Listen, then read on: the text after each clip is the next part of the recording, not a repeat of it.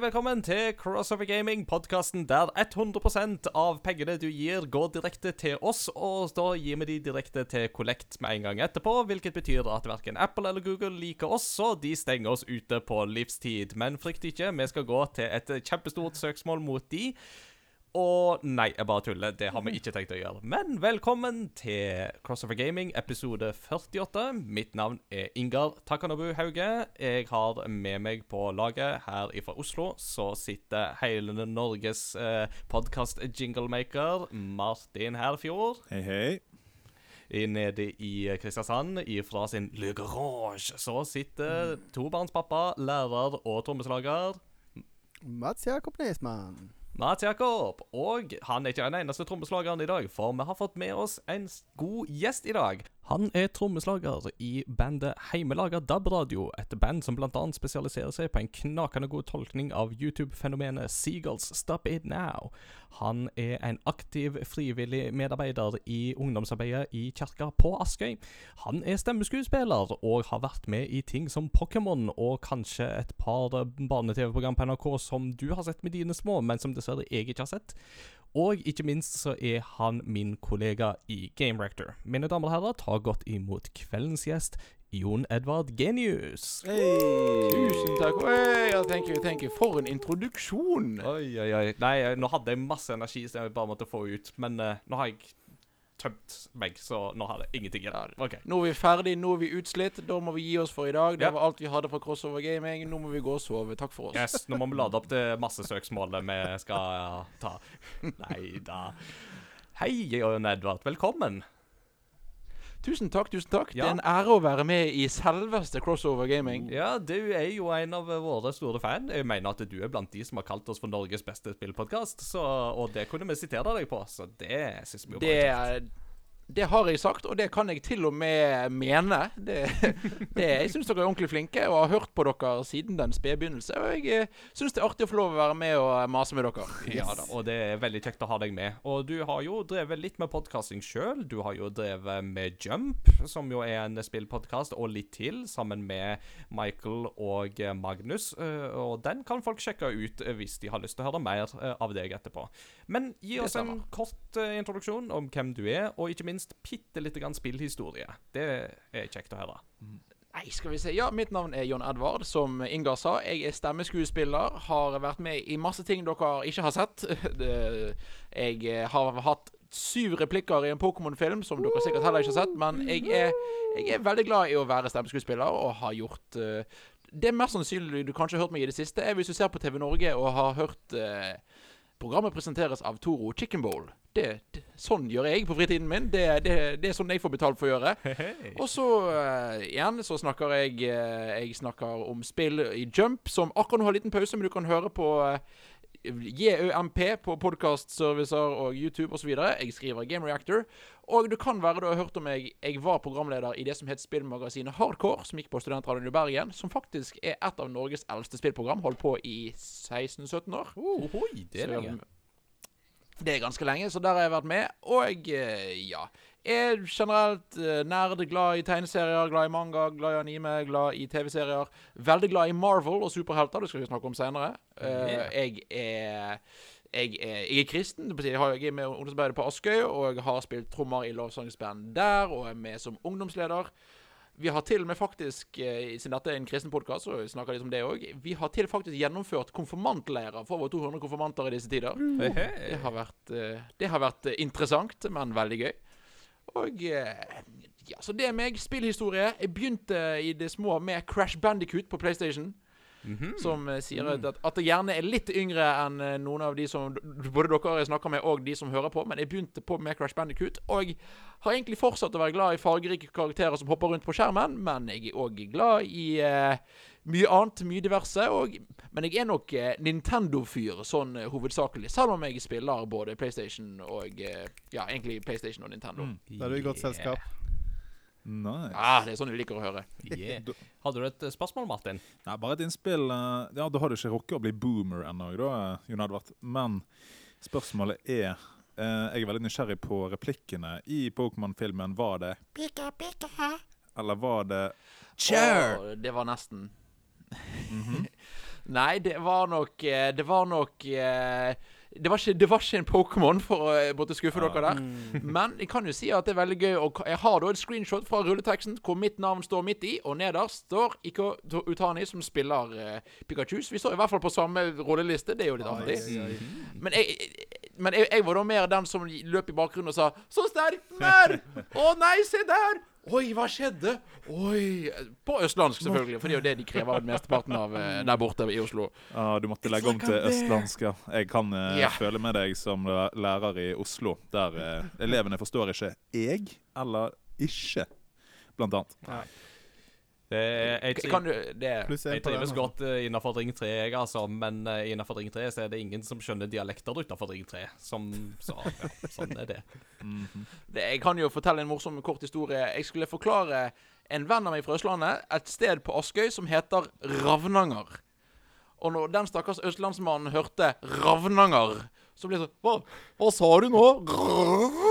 Så måtte, jeg måtte sitte på telefonen og Ravnanger! Å ja, tusen takk. Så det, det er ikke lett å være askøværing selv på Askøy. Det, det er et hardt liv å være vestlending. Ja. Harde bud. Snakk om harde bud for vestlendinger. Hvordan går det med deg, Martin? Jo, det går bra, det går bra. Jeg har eh, hatt litt ekstra sommerferie, så fordi jeg har en deilig stilling som gjør at jeg begynner litt seinere.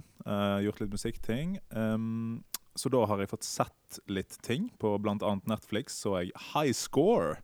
En, ja, eh, veldig- du er i gang med den. Ja, veldig spennende og kul uh, serie. Den, altså, jeg har sett den ferdig. Har dere sett den ferdig? Ja.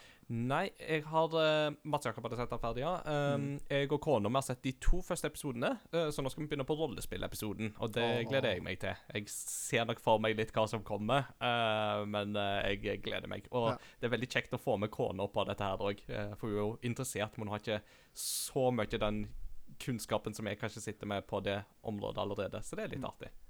Da, da håper jeg du er fan av Lord British. Eh, Ja ja, men, eh, jeg forventer å se Lord British i den episoden, altså. Eh, Minst én eh, gang. Kan jeg komme med en fun fact om den serien? Ja. Vet dere hvem som er fortellerstemmen i den serien? Ja.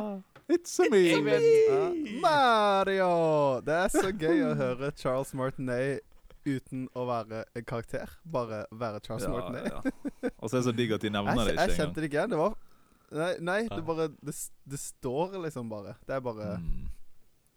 Ja. Apropos stemmeskuespiller. Det Der har vi en legende. Altså, serien har jo sine mangler, og de nevner jo ikke Commodore 64 blant annet, og eh, andre ting som bør nevnes. Men absolutt mye spennende info. MJ. Nei, altså um, Jeg syns det var supergøy å se. Og jeg syns ofte at det kan være deilig å se en uh, dokumentarserie som ikke nødvendigvis bare tar for seg kronologi, Mm. men at det er litt sånn tematikk, og at det er det er, Når det ikke er en sånn Dette er en kronologisk oppramsing av spillhistorie, men det er en sånn Dette er ting i spillhistorien vi har lyst til å belyse. Ja. Så syns jeg at det er helt greit. Men jeg hørte en annen podkast som syntes det var bare sånn Åssen kunne de ikke nevne det, og dette og dette, og det var jo masse hull, og var skikkelig kritiske, da. Fordi de ville jo ha en systematisk gjennomgang av spillhistorie, og litt sånn Åssen kan du gå fra eh, eh, Fra Atari og Pong og de tingene der, og så rett på Nintendo, og ikke snakke om krakket i 83, eller eh, og bare hoppe over det. Åssen kan du gå rett fra Nintendo til liksom PC-spill, og plutselig skal du snakke om Doom og multiplayer, og så var det litt sånn eh, eh, Ja. Jeg, jeg, jeg syns det de kritiserte, ikke var, Det likte jeg. Men sånn er vi jo heldigvis forskjellige, da.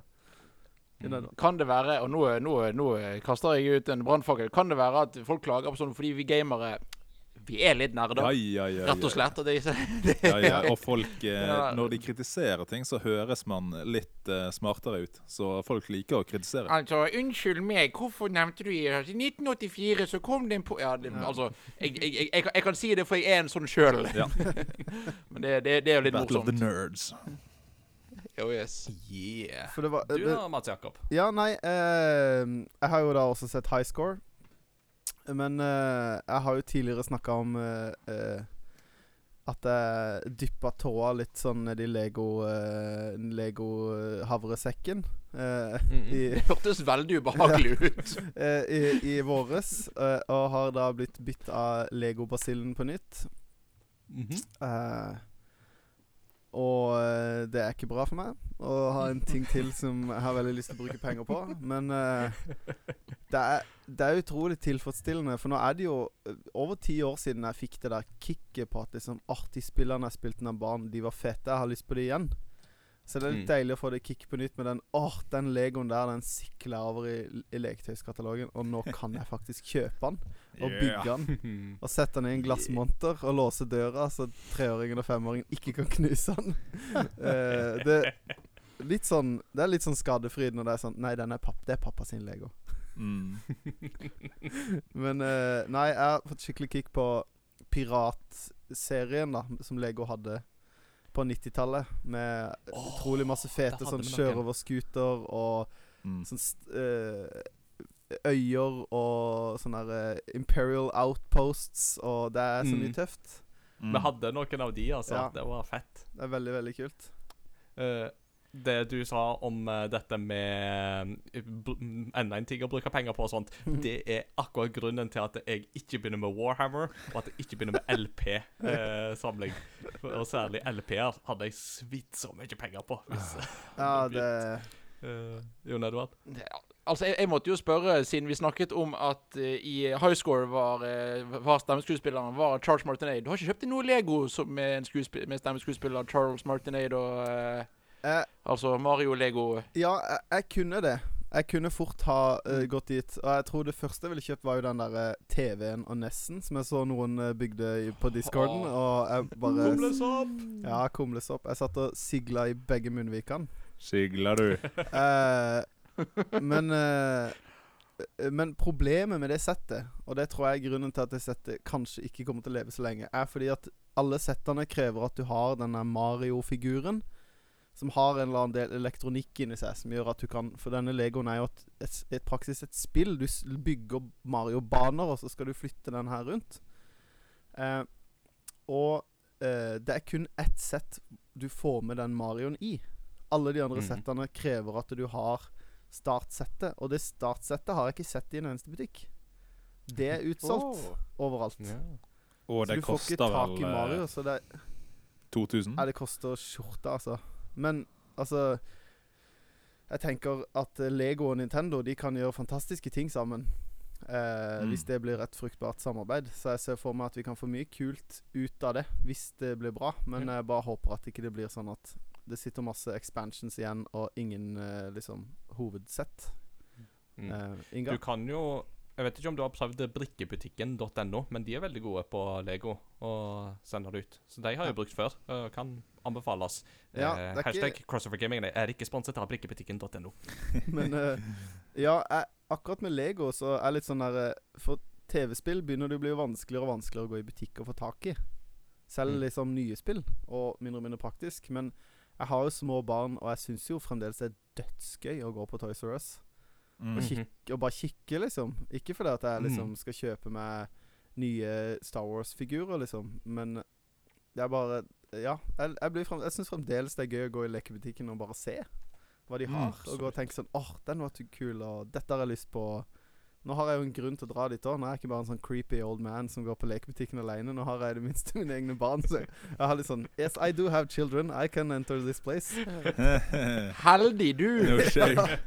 There is no shame.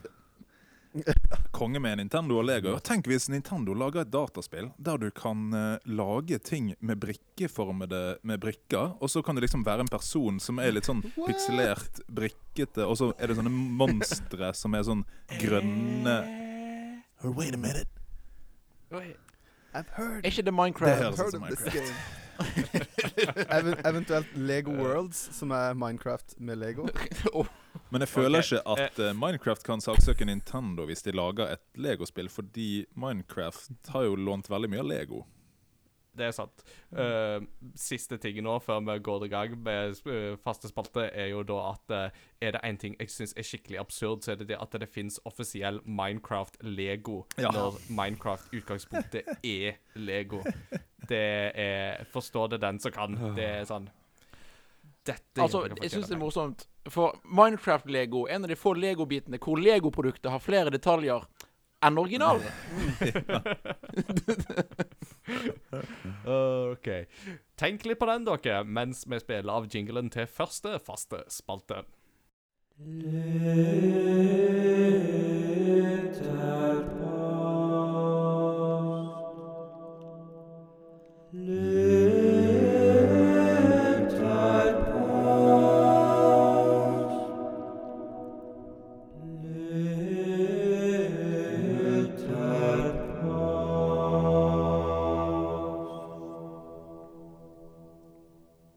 er det tid for lytterpost. Posten der vi hører fra lytterne. Ja, det sier jo seg sjøl, nesten. Eh, hvis du vil svare på lytterposter, så må du gå inn på vår Facebook-side eller i vår Discord-gruppe, der vi poster lytterposter og hører fra dere. Det syns vi er veldig spennende. I dag så har vi tatt for oss en litt sånn, kanskje litt uvanlig variant. Eh, vi har spurt lytterne hva er den rareste eh, eller merkeligste fordommen mot gamere som du har møtt eller lest eller sett eller hørt. Eh, vi skal um, høre litt ifra våre lyttere. Jeg vet ikke om Har dere noen som dere vil liksom spille inn ifra hofta, eller skyte inn ifra hofta, som dere har opplevd? Eh, altså, jeg har noe, men kan gjerne se om, de, an- om lytterne tar de først, eventuelt. Hvis ikke, så kan jeg ta det Ja. etterpå. eh, jeg vil spille inn en som jeg møter på støtt og stadig. Eh, det er kanskje ikke liksom den mest uvanlige, men det er en som jeg møter ganske ofte, som jeg syns kan være litt irriterende. Og det er den der med Å, du er glad i dataspill. Da er du flink på data, ikke sant? Kan ikke du ta og fikse dette? Mm, mm, mm. Eh, Så husk, folkens, det at man er en ivrig konsument av software, betyr ikke at man er god på hardware. Amen. Yeah. Speaking on uh, that note, så tenkte jeg at vi kan bare gå rett i gang. Martin, vil du kicke inn uh, vår semijingle? semi-jingle? Ja, det blir jo til legenden Kjetil Austad Kjaus. Uh, han skriver Jeg nevnte vel dette da jeg var gjest, men jeg fikk en gang krass kritikk av noen fordi jeg bruker så mye tid på gaming. Kritikken gikk på at dataspill er bortkasta tid, den har vi hørt før, og at det ikke bidrar til å skape gode verdier i samfunnet. Eller noe i den duren.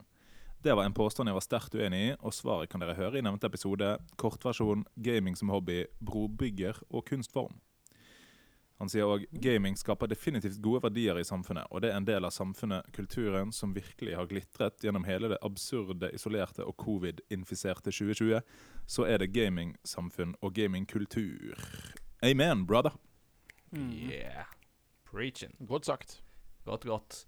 Uh, da tenker jeg at uh, vi kan uh, bare slenge inn Åsmunds svar. Uh, Martin, if you please. Åsmunds Stjørne Yeah!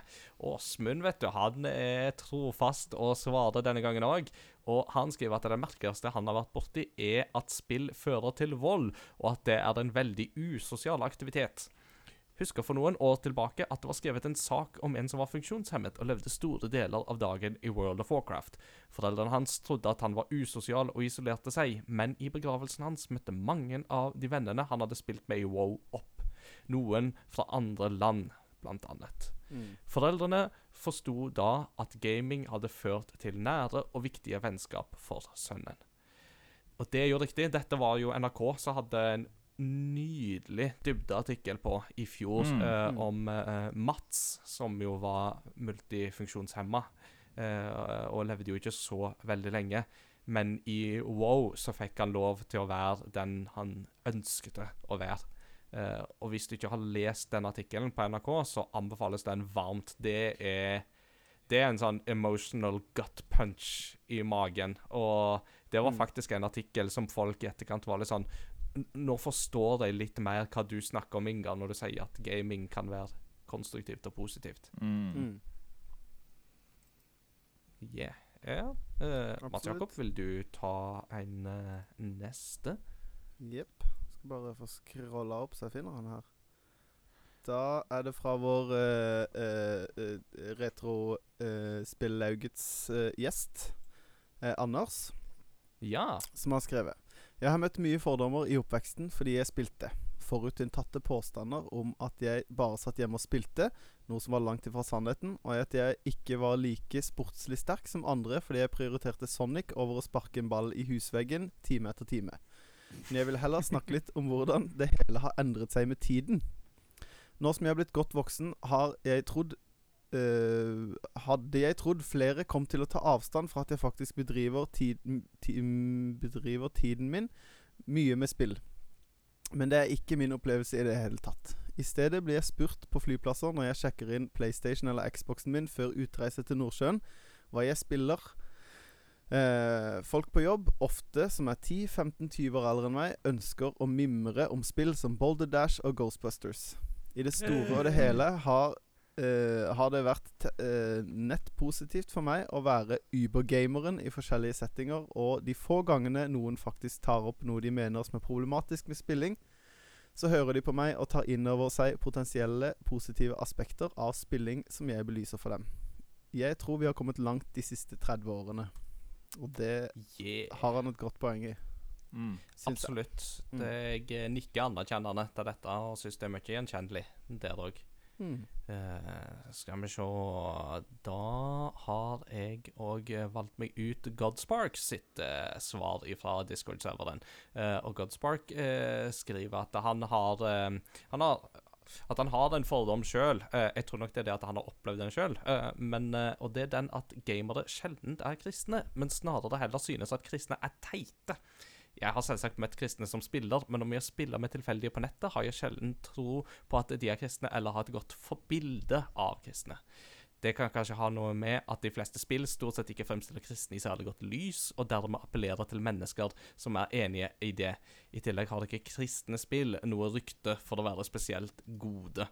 Um, jeg tar opp det svaret, for uh, det var litt gøy, for uh, det kicka inn en, liten diskusjon i um, i, i Discord-serveren vår, som jeg syns var veldig konstruktiv og fin. Der vi liksom snakket litt rundt denne problematikken her. Uh, så um, Og jeg syns at det var en veldig på en måte god samtale, der flyten var god, og folk var, kom med gode innspill og sånt.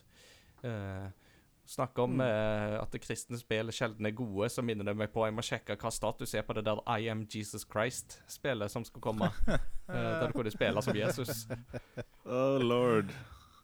Yes, Lord, er indeed. Bibel, Hæ? Bibelskole har fått en ny betydning. Ja, ikke sant. uh, ja, da vet jeg ikke hvem som var nestemann ut. Uh, vet at Martin, du hadde tatt uh, en til. Uh. Ja, det blir eh, Nikolai. mm. Vel, jeg visste ikke om jeg skulle le eller gråte da jeg fikk servert en link til et nettforum, et forum for kvinner ut fra navnet, hvor en haug med damer så sent som i forfjor la ut om hvordan de aldri under noen omstendighet ville bli sammen med en mann som spilte spill, fordi vis, de viste en tydelig umodenhet og mangel på omtanke og prioritering som det forventet i en skikkelig mann. Flere skrev de hadde satt mennene sine på valg om mellom å kutte all spilling av noe slag tvert, eller bli forlatt. Ganske trist lesing, egentlig. Så det her er jo en blanding av eh, dårlig match og en slags fordom. Men vi må jo si at um, for mye av noe som helst er jo ikke bra, da. Så hvis du, hvis du som en ektemann eh, ikke er med barn og ikke tenker på økonomi og altså, Du må jo liksom ha en viss balanse i livet. Men eh, det, det er sant. Men det er et godt stykke fra det til å bare sånn Nei, han kan ikke game i det hele tatt, for det er teit. Yes. Uh, og det er sånn Jeg, jeg, jeg, jeg syns jo jeg har vært formidabelt heldig der i mitt uh, koneemne. For uh, hun er jo Nå sitter jo hun og gamer Overwatch med sine venner, liksom, mens vi holder på å ta opp dette. Så Nice. High hun sa det der, Å, Inga, du må sette deg ned, du må spille mer. Nå må du slappe av. Og jeg bare sånn Ja, kone, du har helt rett. OK, jeg skal gjøre som jeg får beskjed om. Ja. Work, work, work. Kan vi bytte en uke, Ingar? Eller sånn konebytting? Eller, eh, I, I hva, ble dette for noe nå? Velkommen til Crossover Gaming. Never cross the streams. Ja, da. Indeed. Crossover wife. Nei. Crossover waifus. Waifu. Nei da. Men det må aldri bli wife over gaming. Nei, men Nei. det er sant. Det Eller jo, wife over gaming, det kan uh, absolutt bli. Eller jo, jo, men, ja, unnskyld. Beklager. Jo, det det var omvendt. Ikke gaming over oi, oi. wife. This escalated quickly. Mhm. Uh, ja, jeg vet ikke, Jon Edvard, har du noen uh, svar som du så, som du tenkte at uh, den hadde du lyst til å chippe inn, eller Nei, jeg syns egentlig det meste Det meste sagt. Altså, jeg hadde, hadde litt ting som jeg har tenkt på sjøl, og det ene som jeg har tenkt på som jeg syns er litt overraskende, det er at uh, fordi man er gamer, så antar folk at å ja, da er, du, da er du veldig glad i lettkledde japanske damer, enten animerte eller ekte. Mm, Jeg satt og tenkte på akkurat det samme. Ja. Hey. Dette var òg en som jeg tenkte på. den har jeg møtt så sykt mange ganger. Å ja, så du liker Mm. sånn der eh, Folk Ja, fy søren. Da blir jeg så provosert, altså. At det er Ja. liksom Mm. Å ja, du er nerd, så da liker du alt sånn. Det er sånn Å, du liker fotball, da liker du å slåss og, og er tjukk og Eller sånn eh, Skal jeg komme med sånne fordommer? Det er helt sånn Det gir jo ikke mening. Eller jeg, de, jeg vet jo at de ikke vet, men at det, det er det sin Altså hos assosiasjonen. At det er sånn Tilgi dem, for de vet ikke hva de Ja, driver med. jeg, jeg kjenner jeg bare blir Mm, provosert bare vi snakker om det. Det er sånn Mm. Ja. Absolutt. Og så har jeg òg liksom en Fordi vi har snakket om dette med at ja, spill Vi skal snakke mer om det, og spill er lik vold osv. Men jeg er veldig fascinert av at enten så tror de at hvis du liker spill, så er du sånn Ja, du liker vold. Eller så sitter du og ser på Super Mario og Pikachu hele dagen. Det er enten-eller. Det finnes ikke noe imellom. Det er Enten er du farge, fargeklatt og en liten gul skapning, eller så er det blod og død overalt. Only a Sith deals in absolutes. Aha! Godt sagt. Noe som jeg tenkte på i går da jeg leste en Aftenposten-overskrift der Jonas Gahr Støre sa 'enten er du med oss, eller er du mot oss'. Så satt jeg bare og tenkte 'only a Sith deals in absolutes'. Ingen kommentar til verken Arbeiderpartiet eller Støre. Altså, det er ikke noe i det. Men uh, jeg kan ikke høre et sånt sitat uten å tenke Obi-Wan Kenobi, altså. Det, eller høre Obi-Wan Kenobi sitt svar. Det er så. Hello there. Hello there. am the Senate. Det var, det var vel i forrige episode det at vi hadde vår lille Star Wars spin-off-podkast. Så ja. Det blir ikke en episode uten et Star Wars-sitat fra selveste. Ingar Takunobu Vader. Det er helt sant. Vel, det var det vi hørte fra lytterne våre i denne omgang. Tusen takk for alle svar, folkens. Keep them coming. Og husk at eh, vi leser alt og setter pris på alle svarene som kommer inn, selv om vi ikke får lest opp alle sammen i episoden.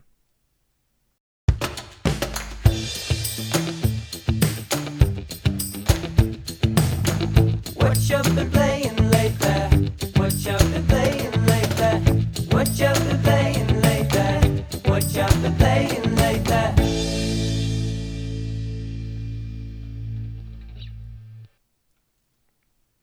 OK, da er det på tide å høre på hva vi har spilt i det siste. Og Jon Edvard, du er gjest, og da syns jeg at eh, vi skal høre fra deg først. For jeg vet at du har eh, prøvd deg på et par spennende ting. Så fortell hva du har spilt i det siste. Skal, vi kan jo begynne med det som har vært eh, Som egentlig kommer til å være, håper jeg, i hvert fall det store hottespillet hotte spillet for tiden. Og det er Avengers. For jeg har prøvd Avengers betaen. Ja, fortell. Dette er jeg veldig gira på. Spoil alt. Ja, det uh, eh, eh, Nei, det, var, det er ikke så mye å spoile, hvis jeg er helt ærlig. Uh, I hvert fall ikke fra betaen. Eh, jeg spilte betaen første gratishelg på PlayStation 4, og spilte basically all Jeg rundet betaen, for å si det sånn. Eh, og likte så godt at jeg da spilte det på nytt helgen etter med kun multiplayer. Og spilte Missions om igjen fordi jeg syntes det var så kjekt. For det er egentlig konklusjonen, eller bare for å begynne med det viktigste. Avengers er gøy. Ja. Uh, det, og det syns jeg er litt artig, fordi at folk har vært veldig skeptiske, og folk har liksom sett på designstilen og tenkt at dette er Dette ser OK ut, og ja, til tider så ser det OK, OK ut, men det å sitte og spille dette spillet Det er ikke verdens beste gameplay eller nyskapende, men det er liksom det er en blanding av såpass enkelt at det bare sitter ned og spiller, men det har faktisk litt dybde og forskjell mellom karakterer og eh, gameplay. Det er ikke bare å trykke på firkant til du vinner, du må tenke litt. Så jeg, eh, jeg kjente på at dette her er faktisk et spill som jeg kan sitte og spille noen par timer ganske lenge. Altså, dette blir nok min sånn Games as a Service-spill, og det gleder jeg meg til. Ja, riktig. Eh, du, nevner jo litt i forhold til dette med å at eh, ja, at de er litt sånn forskjellige å spille og sånt, så da har du fått prøvd det litt som Hulken og litt som Thor, kanskje litt som Black Widow og sånn. Hvordan eh, føles liksom de forskjellige figurene? Føles Hulken som en gigantisk uh, fjell av muskler som er sint, for eksempel? Ja, for det, i betaen så hadde du Hulken, du hadde Cap Nei, ikke Captain America. Eller du hadde en lite bit med Captain America fra historiemodusen, men i multiplayer så var det Miss Marvel, Hulken, Iron Man og Black Widow. Ja. Uh, og altså, de er annerledes, men det skal jo sies at du, du kjenner at Black Widow og Hulken de er litt likere i styrke her enn du gjerne skulle forventet, for at igjen, det er et spill, det skal være balansert. Men du merker at Hulken lager mer kaos. Han hopper fra ene siden av banen til den andre og kaster roboter rundt og i vegg og i gulv og sånn. Mens Black Widow er mer raffinert i kampstilen og eh, hopper fra og tar ned én og én person da, mens han slår de. Så det er forskjell, og, men, men forskjell er kanskje ikke i styrke, for de er like sterke. Igjen, balanse. Men det er forskjell i hvordan du spiller dem. Igjen, Iron Man kan fly rundt, som er overraskende gøy, å skyte folk. Mens Hulken hopper og er veldig kaotisk. Mens eh, Black Widow er mer planlagt da, og litt mer taktisk og tar ut én og én spiller. Så det var egentlig litt overraskende og litt hyggelig å da faktisk se at det var en forskjell på disse karakterene. Nice. Eh, for jeg lurte på en ting. For eh, Det var noen som jeg uh, hørte på som hadde en teori om at hvorfor ikke det finnes et bra Supermann-spill. Og det er jo fordi at Supermann er jo en karakter som egentlig er skikkelig, skikkelig OP. At det er Mm. vanskelig å lage et spill som er gøy som Supermann, enten enten fordi at du er super-OP, eller fordi at det blir teit fordi at han ikke er OP. Og jeg opplever jo eh, Er det Miss Marvel eller Captain Marvel? Det er Miss, Miss Marvel. Ja, for Miss Captain Marvel. Marvel er en annen karakter. Det er riktig. Det stemmer. Eh, ikke sant, altså, ja. Captain Marvel er jo den som jeg har sett i filmen som har eh, litt sånn Ja. Superman-ish powers, mens Miss ja, var- Marvel det er hun som har uh, krefter som minner litt om uh, Luffy i Onepiece, uh, med stretchy arms og stuff like that. Ikke sant? Ja, da, da, Mm. da, da Det jeg skulle si, jeg har ikke så mye å si, men, men eh, hvis det hadde vært eh, Captain Marvel, da Det var det jeg trodde du sa. Og så tenkte jeg åssen de hadde balansert det, men da hadde de jo ikke trengt å gjøre det, siden ikke det er Captain Marvel. Men eh, jeg, jeg skal ikke hun egentlig være med i det spillet òg? Eh, greien er at Vi vet ikke hvor mange karakterer som skal være med i spillet. Det eneste vi vet, er at det kommer flere karakterer etter hvert. Og så vet vi det, Jeg vet ikke om dere har nevnt mm. dette ikke, i tidligere, men vi vet òg at Spiderman er med eksklusivt til PlayStation, og folk er ikke fornøyd med det. Stemmer. Ja. Uh, Mm. Forståelig, da, siden det er jo Sony som fortsatt sitter på Spiderman-lisensen. Så jeg skjønner at folk syns det er kjipt, men jeg skjønner òg at Sony kan bruke det ekstra trekkplasteret. Um, Mm. så ja. Ja, det, altså, vi, vi, det blir en helt egen debatt, men jeg, jeg skal bare si kjapt. Altså, Sony har betalt for å få Spiderman i spillet, og uh, kanskje, kanskje Dynamics har sagt at det er ikke sikkert Spiderman hadde vært med hvis ikke Sony betalte for det. Så, Mm. Det, det er poeng. Men på den, Ja, på den annen side, det er Marvel og Spiderman. Ja. Jeg tror han hadde vært med uansett, på en eller annen måte. Mm. Ja, nei, men uh, det høres jo ut som at det er verdt å sjekke ut, i alle fall. Uh, og så blir det jo veldig spennende når uh, det kommer faktisk nå den 4. september, så da blir det jo spennende å se hva, hva de disker opp med. Mm. Um, Veldig Ja. nysgjerrig der. og så vet jeg jo òg at du har spilt uh, noe annet. Uh, en anmeldelse som kom ut på Game Reactor i dag, var det vel? Eller i går, hvis jeg ikke um, husker helt feil. I dag tidlig når vi spiller inn, dag vi spiller inn, kom det i dag tidlig. Riktig. Uh, det var dette Eh. fotballanimespillet Captain Tsubasa. Captain Tsubasa, Rise of New Champions. Så det er sånn fin, sånn fancy tittel som ingen husker. Vi bare kaller det for Captain Tsubasa-spillet. Eh, og det er hva, si, Det er Fifa, bare litt dårligere og litt mer eh, anime-dramatisk, egentlig, kort fortalt. Det er I'm sold. Det er egentlig Ja, jo, nettopp. Og det er egentlig På, no, på en måte så er det akkurat det man ser for seg. På den andre siden er det litt skuffende fordi det er litt for Det er kanskje litt for mye bare Fifa. Eh, altså igjen, jeg håpte litt på dere- Spilte dere Mario Strikers til GameCube? Ja! Nei. Litt. Mm, jeg, nei, altså igjen, for det er Mario Kart-formel, bare med fotball. Det er, der er det våpner, og det er eksplosjoner. Og det, det er mitt favoritt Mario sportsspill, og jeg vil ha et nytt etter Switch. Mm. Uh, men det har ikke vi fått. Og jeg håpte dette skulle være litt det samme, men dette er overraskende realistisk fotball. Med mye bruk av dynamiske kameravinkler egentlig for å øke, øke dramatikken, istedenfor at det er dramatisk gameplay. Det er egentlig bare Fifa Og problemet er at siden det bare egentlig er et Fifa-lignende spill, så er Fifa mer raffinert og bedre enn dette her. Ja. Jeg, jeg, likte det som du skrev i anmeldelsen din, med at eh, i bunn og grunn så er det veldig likt Fifa, og da kan du like gjerne spille Fifa. Ja, det, det er Dessverre. Altså, jeg skulle gjerne sagt at vet du hva, dette er fotballspillet jeg har lyst til å spille. Jeg spiller ikke så mye Fifa heller, men liksom men det er, jeg, jeg merker at her er det ting som Fifa har lært underveis og blitt bedre på. Jeg kan ta kjapp, et kjapt, eksempel. er at Jeg sto rett foran mål og skulle skyte på mål. Men så traff jeg en motspiller. eh, Men ballen ruller videre mot mål. Men fordi at keeperen da registrerer at den ballen som kommer mot han, den er fra en medspiller, så den må ikke han stoppe. Så det blir da selvmål. Eh, Fordi at han da var annen i en annen spiller. Så det er litt sånn programmeringsmessig merker du at det er litt for svakt til å fungere i praksis. ja, den er lei. Too bad. Too bad. Eh, og det er jo da basert på en anime-serie ved samme navn, hvis jeg ikke tar feil. Så Det det er nok både anime og manga. Det er korrekt. yes. Er det noe annet du har spilt som du har lyst til å trekke fram? Ja, jeg har lyst til å slenge ut uh, to ting. Det ene er at uh, jeg eh, siden januar så har jeg spilt flere ganger i uken med litt pauser her og der. Og spilt Ringfit Adventure. Eh, Som min, uh, min liksom Spesielt nå i uh, koronatid, så det har da blitt min treningsøkt når jeg trenger å aktivisere meg. Og det har vært grådig deilig Det høres grådig dumt ut, men for kropp og sjel.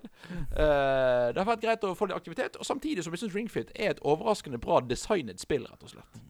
Jeg håper vi kan komme dit der det er snikskryt og si at man har spilt Ring Fit Adventure. Bare, ja, jeg har gamet Ring Fit. oh, du trener så mye! Å, det er så Ja, flink! å trene'. Så det jeg, jeg, jeg prøver. Jeg prøver. Ja, du, du, du ser så bra ut. Har du spilt Ring Fit Adventure? Eh, Og jeg, jeg håper vi kommer der, at det liksom er standardantakelsen. Hvis, sånn, hvis det er en nerd Altså en, en med nerd-T-skjorte som er godt trent, så Å ja, Ringfit Adventure. yeah. Nei, nei, nei. Eh, We og det Fit. Ja. Nei, nei, det er det hvis det kommer en mor bort og jeg går ikke god for det. Ja. Nei, det var teit. Uh, og det andre jeg har spilt litt, det er en barndomsserie som vi nå har gått litt tilbake til. Det er, Eller ikke barndom, men i hvert fall litt nostalgisk. Det er Sly Cooper-serien fra PlayStation 2. Nice. Kult. Uh, og jeg er veldig glad i den serien, og har egentlig savnet å spille den etter at jeg fikk PS4, som da ikke kunne spille PlayStation 2 slash 3-spill. Uh, men jeg prøvde da PlayStation Now. ja, for der, der ligger jo deg. de. Der ligger de, og det har fungert overraskende bra for det aller meste for meg. Eh, så jeg har spilt igjennom eh, Jeg, spilt igjennom, jeg har platinumet uh, Sly 2, eh, og spiller gjennom Sly 3. Og jeg har endelig for første gang kommet meg igjennom Sly Cooper 4 Thieves in Time for PlayStation Now. Cross-save med Vita. Hei. Oi. Den settingen Så- så jeg- hører du ikke så ofte. Nei. Uh, og jeg vet ikke hvor mye dere bryr dere om Sly Cooper, men jeg skal si Sly Cooper 4 er et greit spill, men det er et bevis på at Sly Cooper 1, 2, 3 ikke bare er barnespill. Det er godt skrevet, for det er ikke Sly Cooper 4. Ja. Da, da er jo mitt spørsmål eh, Jeg må jo ærlig bekjenne at en del av de der PlayStation 2-klassikerne, altså Jack and Daxter, Ratchet and Clank og Sly Cooper, det er litt hull hos meg. Eh, så hva er det beste Sly Cooper-spillet? Er det toen? Eh, det er jo ofte det jeg hører blir tråkket fram som det beste, men eh, hva vil du si? Jeg vil si uh, Sly Cooper 2 er uh, både det verste Sly-spillet, og det er mitt favorittspill. Eh, Fordi at det er et spill som klarer å eh, kombinere gameplay som er veldig bra og unikt. Eh, for Sly-plattforming Slide-plattforming er ikke som andre plattformer. Det hørtes veldig teit ut. Eh, men du har jeg si, Du har noen ekstra moves og en litt ekstra si, kontekstplassert plattforming som gjør at det ikke bare er å hoppe og lande her. Du må bruke litt forskjellige knapper, som jeg syns er veldig interessant.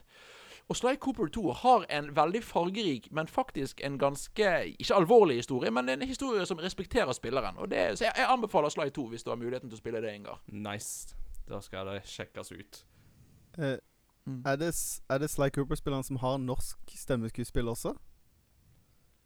Det stemmer. Sly 2 og 3 og 4 for så vidt er på norsk. Og eh, S- Sly Cooper, hovedkarakteren, spilles av Erik Schjøll, som var mannen som lærte meg å drive med dubbing. Oi, kult. humble brag. Ja. Skriksnitt? Ja, ja, absolutt. Absolutt. Jeg vil ikke engang, jeg vil ikke engang si at det var snik engang. Det var bare skryt. Da um, Ja, vær så ja, nei, sorry. Jeg skulle egentlig ikke si noe. OK. Uh, nei, fordi at du skjønner at jeg har en bra tie-in til Sly Cooper i min spilleliste, så kanskje Oi, jeg da kan ta ja. over. Eh, Mm. For um, jeg har stort sett spilt uh, det samme som sist. Persona 5 uh, og Ghost of Tsushima har jeg nå spilt ferdig. Mm. Det slo meg at det, det hadde jeg ikke Jeg snakket ikke så mye om det sist, hva det spillet egentlig handler om. Eh, det slo meg jo. Men eh, eh, Ghost of Tsushima er jo da et spill der det blir satt til mongolernes invasjon av Japan i 1274. Da mongolene var på sitt eh, største, så prøvde de jo å invadere Japan to ganger, og det gikk jo dårlig begge gangene. Eh, blant annet fordi det kom stormer som sank mongolerflåtene, og det var jo den stormen som de kalte for en guddommelig Ja. vind, eller kamikaze. Eh, så det er der vi har kamikaze-begrepet fra. Men da mongolerne angrep første gang, i 1274, så tok de veien via Tsushima, som er den der øygruppa mellom Korea og Japan, og da ligger sånn perfekt på sånn eh, sjøveien derimellom. Så i det spillet så spiller du Jin Sakai, eh, samurai, og nevø av eh, den lokale fyrsten. Eh, og dere er da 80 samuraier som må begynne å slåss imot 2000-10 000 mogolere. Og det går jo selvsagt ikke så veldig bra. Uh, men du overlever mot alle odds og finner ut at din onkel er tatt til fange, så du må jo da begynne å befri han.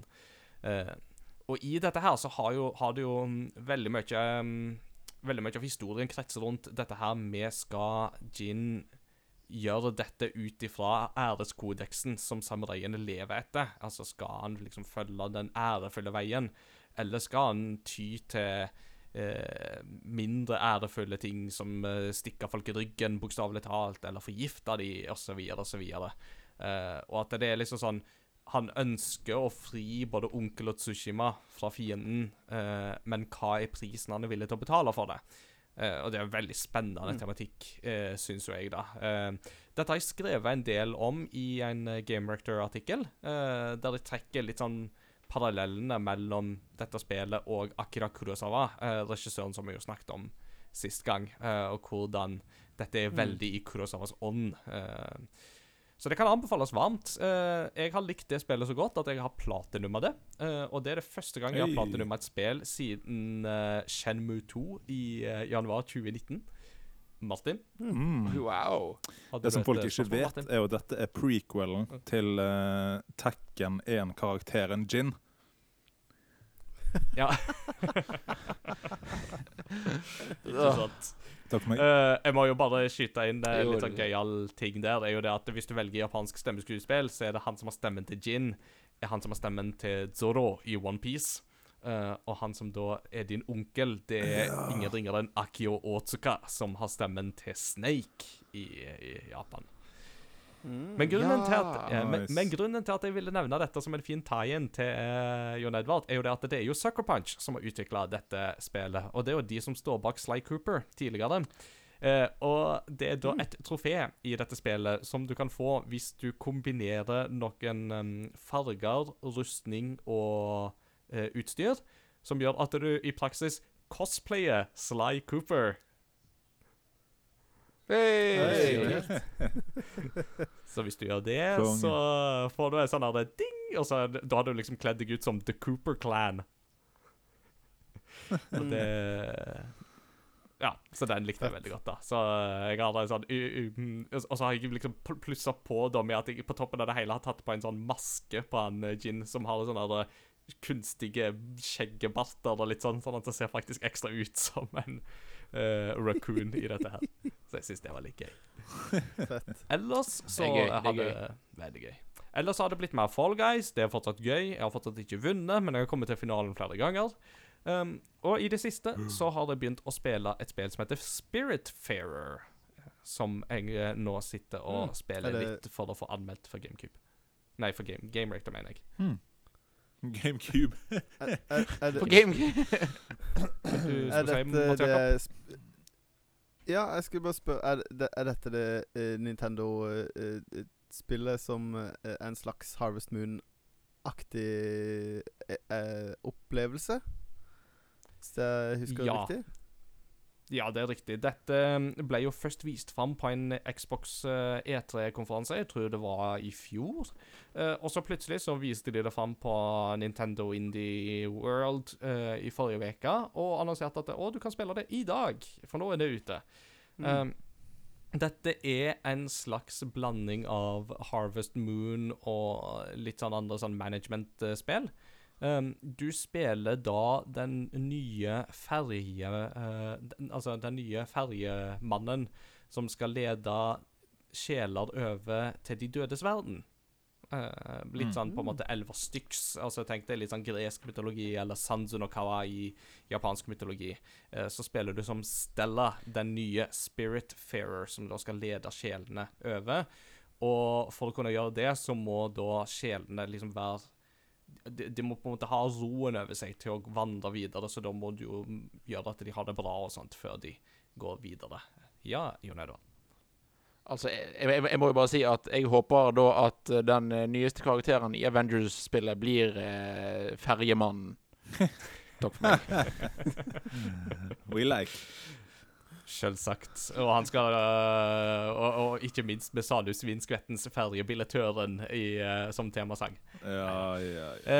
Uh, men det, dette, er et Oh veldig, yes. dette er et veldig koselig spill. Eh, det er et veldig sånn tilbakelent, lunt spill. For alle disse her sjelene som du skal lede over, de er jo dyr. eh, eller ser jo ut som dyr. Du kan nesten tenke at det er sånn spirit animal.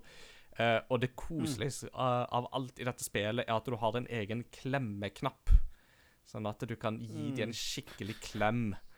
Og da er det ikke bare sånn ah, pat, pat. Nei, det er sånn mm, God klem. Og så har du òg med deg en pusekatt som du kan klemme når du vil, og det er sånn Åh.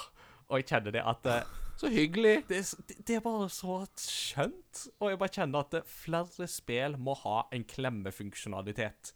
Altså, dette er et steg over 'can you pet the dog'? Det er bare sånn 'can you hug it'? Eh, og sånn 'really hug it'. Assassin's Creed Valhalla med klemmemekanikk. Spesielt i eh, covid-tider så kan man jo klemme digitalt, eh, ikke Ja. analogt. Og det er faktisk Jeg- jeg det. det. det- er litt sånn Ja Nei, jeg bare føler det er en sånn eh, eh, trend blitt at man liksom etterlyser det i spill. Can you pet the dog? Can you pet the horse? Liksom Can you hug the animals? Det er liksom eh, petting zoo uh, simulator. Mm. Men altså, hallo her. Jeg vil jo ha et, et VR-spill som bare heter Hugging Simulator. Hvor du bare liksom er å klemme Og, så, og, og, og gjøre et spill ut av hvor jo fortere du klemmer, jo et eller annet, eller jo lengre eller, Altså, her, her er det en spillidé, folkens. Jeg gir han ut gratis. Vær så god. Bare gi meg masse penger etterpå. Ja, ja, så følger det med en sånn uh, live-dukke som du kan hugge, som da, da ser ut som er mange forskjellige ting. Det kan fort bli feil, men eh, Ja. Ja, for, for, for Nå tror vi nå nærmer oss det der med hvorfor eh, de andre tror at vi nerder er glad i sånne her jenter. Ikke sant? Aha! Nei da. Men eh, hvis folk skal liksom ha den der video game cause violence, så skal jeg ha me hugging my friends in Spiritfarer. yeah. Det er min respons der. Uh, så jeg har ikke kommet Ja. så veldig langt ennå, men satser på å få inn en skikkelig økt i helga. Uh, det har vært en travel studiestart, så jeg har ikke fått liksom sømma meg til å spille det så masse ennå. Og så, ja. Så jeg har sikkert mer om det til neste gang, og neste gang satser jeg òg på å kunne snakke om Flight Simulator, for det har jeg nå kjøpt og installert, men jeg har ikke rukket å begynt på det ennå, så det gleder jeg meg til å kaste meg ut i. All right. mm, Hvem har lyst til å overta? Jeg kan eh, godt uh, ta litt. Det Martin, take it er away. selvfølgelig min faste rotasjonsrutine på Heartstone, Teamfight Tactics og Football Manager. Nå rykker jeg opp Leeds i Premier League, som de på ekte har gjort. Så da er Champions League neste. Ja. ja, ja, ja. There's only one United, som de sier. Um, og så spilte jeg jo litt uh, Super Smash uh, hos Christian Fondeland på sin GameCube. Ikke Odyssey, faktisk. Um, Mm. og det var veldig gøy. På en sånn Ninja Turtles uh, gammel Er det 20-tommer, Mats Jakob? 19. 19-tommer! Og så deilig retrofil. Vi spilte Tournament Millie, som jeg måtte spille mot meg sjøl i finalen. Hva du skulle si, Ingar? Nei, jeg bare lurer på Har Christian nå overtatt Turtles-TV-en din? Mats Jakob? Eh, Han Han eh, Ja, han, han Den er på lån hos eh, Christian. Jeg har ikke noe sted å ha den. Du ser han aldri igjen. Jeg, jeg var jo Jeg var jo eh, Jeg var jo megler i en deal mellom en kompis av meg og Christian for å kjøpe en eh, GameCube. Eh, hvor jeg da eh, Hvor min eh, provisjon var at jeg fikk tre av de spillerne jeg hadde lyst på fra, fra, fra de før, før de gikk til Christian. Men uh, han fikk med ganske mange bra spill, altså. Og så var han litt Mm. sånn Han lurte på åssen han skulle løse det, om han skulle prøve å få tak i en slags HD-løsning. Og så sa jeg men jeg har jo en TV du kan låne som jeg ikke vet hvor jeg skal ha. Som jeg ikke har lyst til å kvitte meg med heller, for det er jo en eh, gammel Turtles-TV fra Super Nintendo-tida, så det passa det fint. Kristian kunne ha den på kontoret sitt. Det var, no, altså, det det var gøy å se snapper fra dere spilte Smash. power. Power. Ja, det var deilig. Det er jo ingenting som slår den effekten som, som de TV-ene der gir. Mm. Um, og så har jeg en liten shame-innrømmelse. At jeg ikke har fått spilt så mye Breath of the Wild, så det tok jeg tak i. Og har uh, virkelig kommet i gang med det spillet. Det er så nydelig. Oh my lord. Um, Fantastisk. det kommer fantastisk. mer av dette i kuriositet-delen, så heng på videre, lytter. Oh. Um, ja. Men uh, natt til i dag, 27.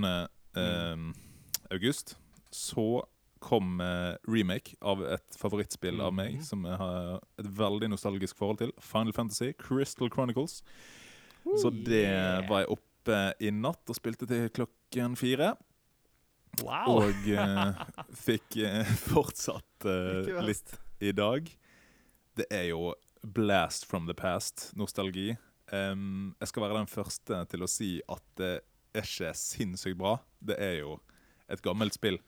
Men litt som um, Cineblade Chronicles, remaken, så har det på en måte um, klart å fange essensen i spillet. Det er på mange måter for meg litt sånn som eh, for eksempel filmen 'Sjørøverplaneten'. Som er på en måte Jeg har et veldig nostalgisk forhold til den. Kan se den om og om igjen, men jeg vet at det er ikke den beste filmen eh, kritikermessig. sant? Det har sine flaws. Um, og litt i min barndom så fikk jeg aldri runda det. For det er et ganske vanskelig spill. Du må liksom tolke Ah. dikt for å skjønne hva du skal gjøre. Engelsk litteraturanalyse osv. Og, og em, eh, Så det, det har òg vært liksom sånn som om jeg har lest Harry Potter og ikke fullført det. Så nå, nå skal jeg runde det, få slutten av storyen. Det er liksom mitt mission, og det har, det har sin sjarm fortsatt. Det er, altså, du begynner en, en landsby, så må du lage flere karakterer eh, for å få alle rollene som Blacksmith og Taylor, og så interagerer du med alle familiene, og så sender du brev til hverandre, og så er det veldig sånn koselig, så kan du legge inn items, og ja, det skulle vært klemming, men eh, veldig, veldig koselig spill. For vi som da ikke har spilt disse spillene, er det fortsatt verdt å anbefale, eller er det kanskje best for de som har nostalgi til spillet fra før av? Jeg vil absolutt si det, det er best for de med nostalgi. Det er, det er nok litt treigt å komme inn i nå. Det er en del loading. Det er sånn ti, det sånn ti sekund loading mellom hver ting som skjer i spillet. Om det er cutscene Mm. eller du skifter eh, dungeon. Altså, og så bare tenk på God of War. men eh, ja. Det er nok litt treigt å komme inn i, men hvis du vil ha et RPG-spill med veldig bra bossfights, veldig bra dungeon design, eh, så kan det anbefales. Kult. Jeg Ja, eh, har kult, det absolutt på lista og skal få spilt det. For jeg fikk aldri spilt GameCube-versjonen, og nå skal jeg absolutt ta meg tida til det. Mm. Yeah. Mm. Mats Jakob, din tur. Mye eh, sist, men ikke minst. Eh, ikke jeg har minst. da eh, spilt eh, mer Magic Harp Jump. Hey. Whoop, whoop. Nå hopper carp, Magic Harpen min over 50 meter. Eh, Oi! så det er Ah ja. Altså, jeg har fått en gull Magic Harp. Mm. Hey. Eh, så det er en kjempefin sånn eh, fem minutt eh, av gangen ting. Det er veldig deilig å ha et sånt spill som ikke du må liksom Oi, nå skal jeg sette meg ned og spille. Det er bare sånn Å ja, shit, jeg har ikke mata Magic Carpen min i dag. Eller på noen timer. eh, det er som en ny Tamagotchi, dette her. Ja, på en måte. Det, det som er litt sånn gøy med det, da, er at Er at eh, eh, du leveler på en måte deg sjøl, og hver gang du leveler, så kan du fange Så kan du på en måte eh, avle Magic Carpen til ett høyere level. Så det er jo veldig sånn satt Mm. Eh, hvor du kommer. Men det er jo litt sånn Det er litt gøy å bare eh, det, det er egentlig bare liksom grinding simulator. du jo egentlig bare grinder og mater Magic Carpen og trener han, og det er liksom bare det du holder på med. Mm. Men Mm. ikke liksom i timevis, og det, det som er, da er det gøy. Eh, og så har jeg spilt litt mer eh, Paper Mario. Ikke sånn kjempemye. Eh, har ikke noe hast med å bli ferdig med det, for det er et uh, ustyrtelig koselig spill. Eh, Veldig eh, Det Kampsystemet vokser på meg. Det er, I begynnelsen var det litt sånn Åh, Åh, åssen skal jeg løse dette? her Men det blir litt som sånn der eh, Du får sånne små påskenøtter hver gang du spiller Mm. eh, en kamp. Med liksom åssen skal jeg få lina disse opp på en god måte som gjør at eh, de blir eh, Sånn at jeg kan maksimere angrepene.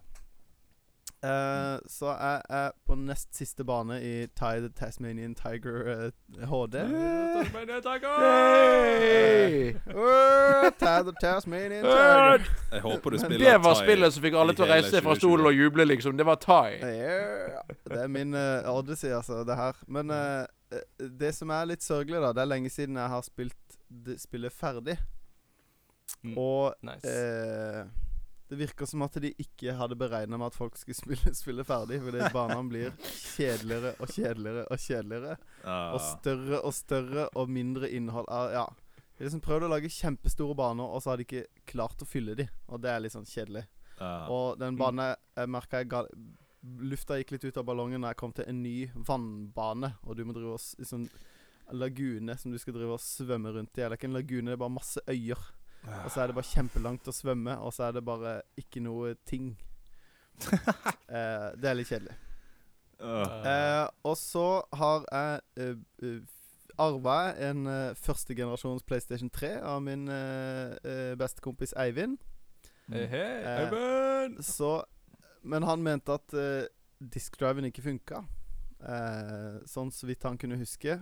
Men eh, Så jeg måtte teste den, og da tok jeg med meg eh, opp i huset fra garasjen Så tok jeg med meg The Adventures of Alundra eh, til PlayStation 1. Hmm. Som er et action-RPG lagd av Atlus, tror jeg. Jeg er ikke helt sikker Ah. på hvem det er som har utvikla det. Eh, men det er litt sånn Det er eh, Zelda 2D Zelda-stil. Eh, med litt sånn eh, 32-bit-grafikk. Eh, Mm. Så jeg har hørt mye bra om det. Eh, så nå har jeg begynt på det, men det er jo som et 90-talls-RPG. Det er en lang åpningssekvens med mye tekst og story og Så jeg har ikke liksom kommet ordentlig i gang, men det er et spill uh, Det blir gøy å spille retro i huset igjen. ikke måtte gå ned i garasjen for å spille noe uh, Noe som ikke bruker HDMI. Mm. Og så til slutt så har jeg begynt på en ny save på Golf Story, for det er softlocka meg sjøl. Hey! Og må begynne på nytt for å se slutten av det spillet. Eh, men når jeg begynte først aksepterte at jeg måtte det, og begynte på nytt, så innså jeg jo at det, det gjør jo egentlig ingenting, for det spillet her er kjempegøy, og det er veldig morsomt. Mm. Nice. Jeg må få spilt det, altså. Det er ganske morsomt. Og så tror jeg ikke jeg kommer til å bruke 15 timer denne gangen, for det, jeg kommer ikke til å gå rundt og lete og lete og lete etter ting. Nå vet jeg liksom hva jeg skal Nei. gjøre, og jeg kan jo allerede spille. Så jeg håper at jeg klarer å knocke det ut på eh, kanskje åtte timer. Yeah. Nice. Mm. Det er det jeg har stuff. spilt. Cool stuff. Uh, jeg kom Mm. på før vi skal ta pause, så bare kom jeg på et par ting som jeg hadde lyst til å trekke inn for Spiritfarer. Fordi at uh, det spillet er veldig morsomt skrevet til tider. Uh, det har litt sånne artige detaljer, så jeg har lyst til å trekke fram to detaljer som jeg synes er litt funny. Det første er mm. hvis du skal Altså når du endelig får deg et sagbruk og skal drive på å sage opp planker, eh, så kan det hende at hvis du liksom ikke sager ting riktig, så får du igjen masse sagmugg, eh, eller sawdust. Og beskrivelsen til sawdust er It's coarse and irritating, and it gets everywhere. Oi! Er gøy. Just like sand. Uh, den andre lille detaljen som jeg hadde Ja. Den andre lille detaljen som jeg hadde lyst til å trekke fram der, er at uh, du kan dra på en butikk på en uh, spesifikk øy. Uh, der eh, kan du ta og kjøpe ting, og den som driver den butikken, det er en vaskebjørn som driver butikken Raccoon Inc., som han da driver og selger produkter til deg til ekstremt grådige priser. Og det er veldig tydelig at dette er en sånn familiebedrift som han driver sammen med enten sønnene eller nevøene sine og greier, greier. Og det er sånn Hm, hva for en Nintendo-vaskebjørn det de her driver på å parodiere? Jeg bare ser for meg denne Captain America-giffen med I, I understood that You reference. understood that reference. Uh, og så sitter jeg og flasher min uh, Captain America-genser i Hey. den anledning. Med det så tar vi en pause, sånn at vi får i oss litt drikke og litt luft i rommet. Og så er vi straks tilbake med del to.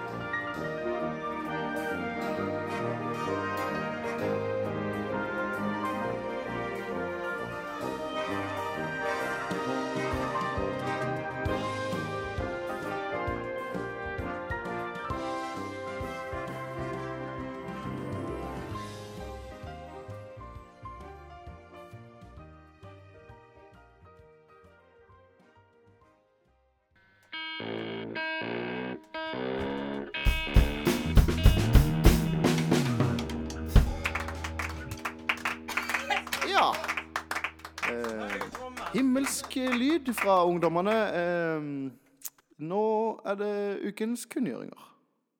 Med musikk der Dearly Beloved fra det kommende spillet Kingdom Hearts Um, Hva er det det heter igjen, John Edvard? Uh, uh, memory of melody uh, eh, Memory of Melody er det, ja. Eh, Ja. Eller jeg husker bare forkortelsen MAM. Så det- For all the mama's boy playing Kingdom Hearts, this is the game for you. Men altså, du vet, du vet Inger, at igjen, det er Tetsuya Nomura, det er Kingdom Hearts. Det, altså, hvorfor, det har sikkert noe med spill å gjøre. Du får sikkert møte moren til en eller annen. Garantert. Ja da. Nei, uh, speaking of announcements, så er jo det et eh, spill som eh, de uh, nærmer seg en dato på. Det kommer de uh, høste gang, hvis jeg ikke husker feil. Desem November. 15. desember. Ja, riktig. Så det er jo bare å sjekke ut. Det bringer oss jo inn på det at eh, Nintendo har jo hatt to director de siste par ukene. De har hatt en Indie World, der de har presentert litt indiespill. Og så hadde de en Partner Showcase eh, for bare eh, en dag eller to siden. Eh, jeg vet ikke, Er det noen høydepunkt derfra som dere har lyst til å trekke fram? Eh, for min del så er jo Spiritfarer noe jeg holder på med nå. Ellers så syns jeg at det indiske spillet Raji eh, virker veldig stilig. Et spill Mm. utvikla i India, eh, som tar utgangspunkt i hinduistisk mytologi og eh, folklore. Så det syns jeg høres ut som en spennende take. Jeg vil ha Super Smash Bros. DLC, ellers er ikke det vits med noe Nintendo. Og da kan du gå hjem. Ja, det, men, men, men greia er for jeg, jeg er ikke jeg si, igjen, Vi er jo ikke enige med det at det må være Smash Brothers. Det er ikke vits i. Men det å ha to director ganske tett etter hverandre hvor ingenting fra Nintendo sjøl ble nevnt. Er jo litt rart. Ja, men nå går det rykter om at det kommer en Direct i september. Uh, Jo, men det har jo vært rykter om det siden mai! Det, jeg, det, jeg, det bringer meg, minner meg på Jon Edvard. Jeg har akkurat skrevet en kommentar som heter at vi må tåle utsettelser og usikre datoer framover. Der jeg tar utgangspunkt i nettopp det med at eh, du må bare lære deg å smøre deg med tålmodighet. Så får vi se om den får get go fra redaksjonen. Eh, Men det får vi nå håpe. For, eh, Ja, for, for dere som hører på, bare si jeg, jeg krysser armene mine og sitter nå surt, men nikker. Nei, jeg, jeg ble eh, oppriktig lurt av eh, noe som så ut som skulle være en utsettelse. Jeg delte dette i discorden eh, for øvrig også. Men eh, det, det var noen som delte et bilde som, eh, med Cyberpunk 2077-logoen i toppen og alt sånn.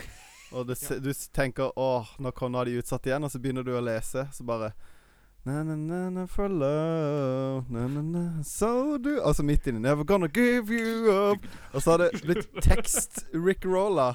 Jeg syns det var helt nydelig. Jeg koste meg. Jeg, følte, jeg ble ekte lurt. Deilig. For det tar litt tid før du skjønner at Å, jeg leser en sang. Åh. Helt fantastisk.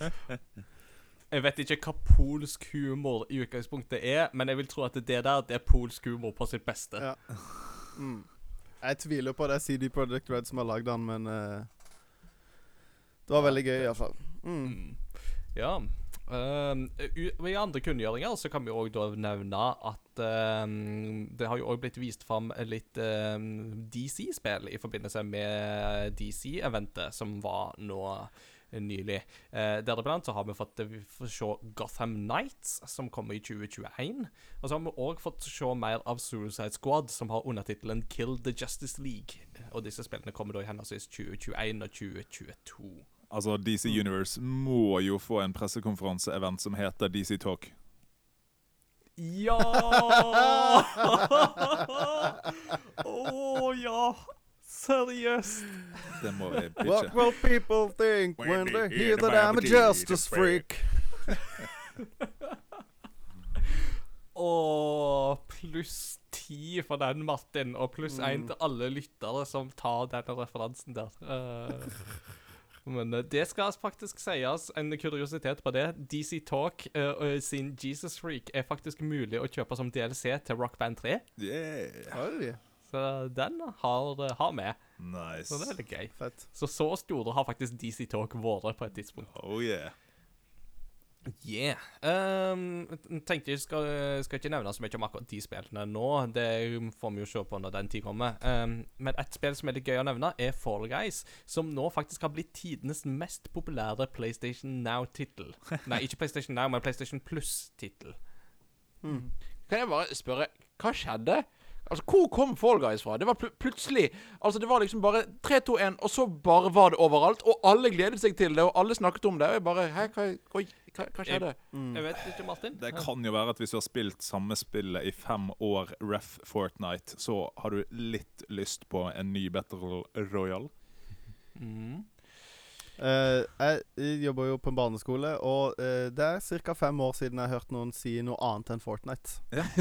At de spiller. Så er det sånn Å, spiller du Fortnite? Nå sier de Spiller du Fortnite? Uh, nei. Spiller du Fall Guys? Nei.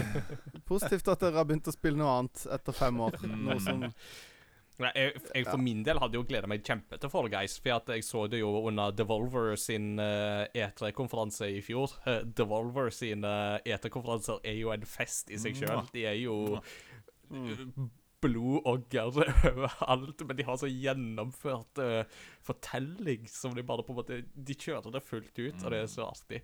Men da Mm. åpna de jo fjorårets konferanse med Fall Guys, og jeg var bare sånn oh, dette ser jo kjempegøy ut. Og så da det da ble lansert, og i tillegg var gratis nå på PlayStation Plus, så forstår du jo det at det har blitt en uh, suksess. Og det er jo så sjarmerende gøy. Så Veldig gøy. Mm. det er veldig gøy. Veldig, veldig artig. Um, og så uh, var det um, Men en ting som kanskje ikke er så artig, er jo denne saken som vi innleda litt med i uh, saken, nemlig det som har vært den store spillnyheten de siste par ukene, nemlig Fortnite. Uh, altså, for, Får du spørsmålet spiller du Fortnite nå, så er det sånn Nei, jeg har iPhone, så det går det ikke. Så for å ta kortversjonen eh, Epic, som jo står bak Fortnite, de lanserte sin egen betalingsløsning for å kjøpe V-bucks, som er denne betal eh, in game currencyen til Fortnite. Eh, på den måten så kunne de da gå unna Apple og Google sine betalingsløsninger. Um, for det er jo da sånn at eh, både Apple og Google tar eh, 30 av alle sånne transaksjoner som foregår i applikasjoner på deres enheter. Det er liksom prisen de betaler for at de eh, distribuerer dette her.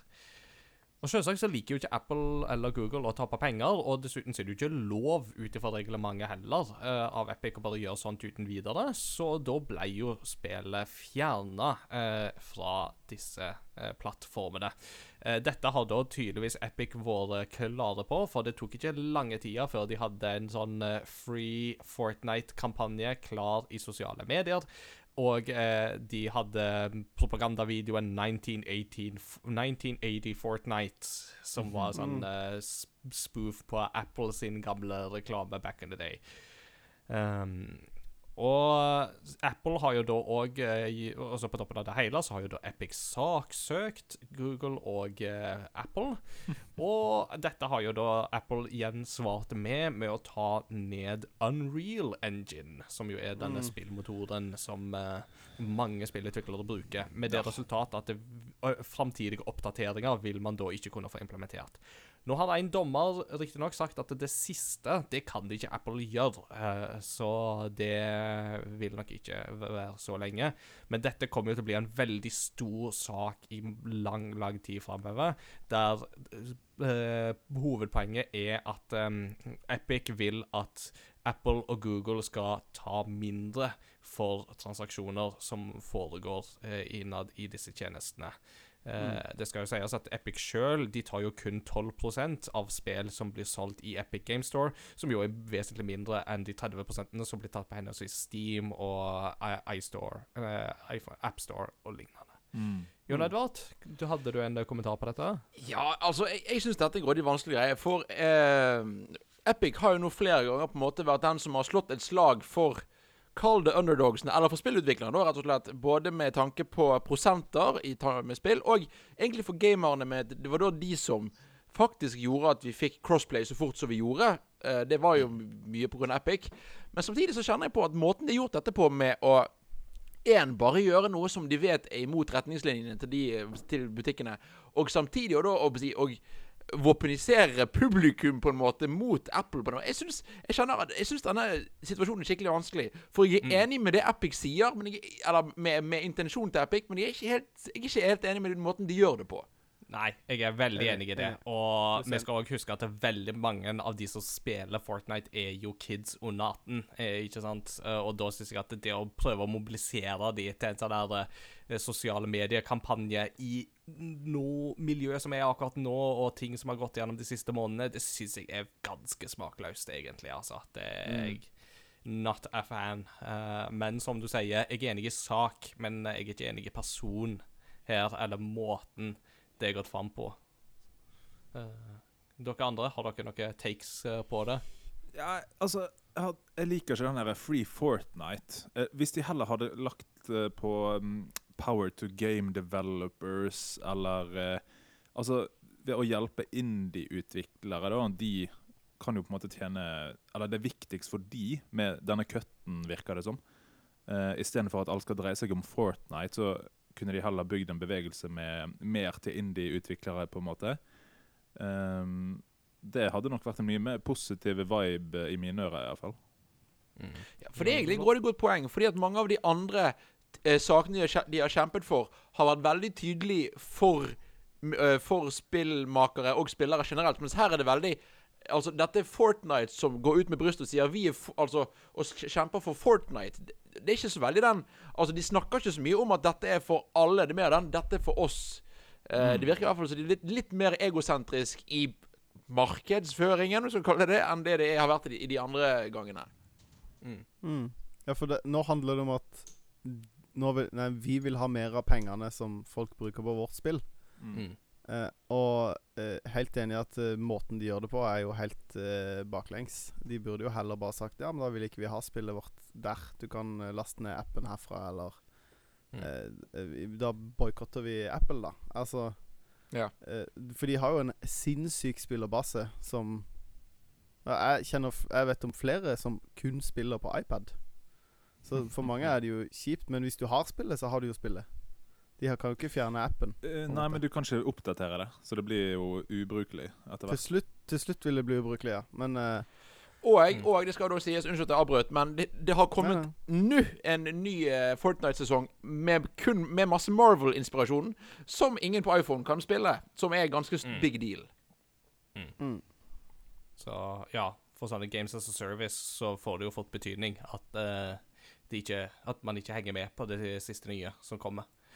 mm. Nei, det blir uansett en spennende sak å følge med på. Uh, og jeg håper jo gjerne at spillutviklere kan få mer, og særlig de små eh, vil jo absolutt ha godt av det. Uh, uh, men det er noe med hele greia her som er litt sånn at det, det er ingen good guys i denne kampen her, egentlig. Det er bare different shades of grey. Det er sånn three shades of grey, tror jeg vi, tror jeg vi får kalle dette her. Hmm. All right. Men folkens, det er ikke det vi skal snakke om nå. Det kunne jo vært et tema i seg sjøl. Men eh, i dag så har vi endelig lyst til å ta for oss hele denne tematikken som handler om spill og vold. Eh, på et eller annet tidspunkt så måtte vi komme innom den debatten og den tematikken der. Eh, men eh, for oss i Crossover Gaming så har det òg en ekstra dimensjon eh, i dette her, og det er jo da nemlig trusaspektet. Eh, nå er det jo, som kanskje våre faste lyttere etter hvert har fått med seg, så er jo dette en spillpodkast som òg har et eh, troselement eh, over seg, med en fot i, i, i det, den siden av livet òg.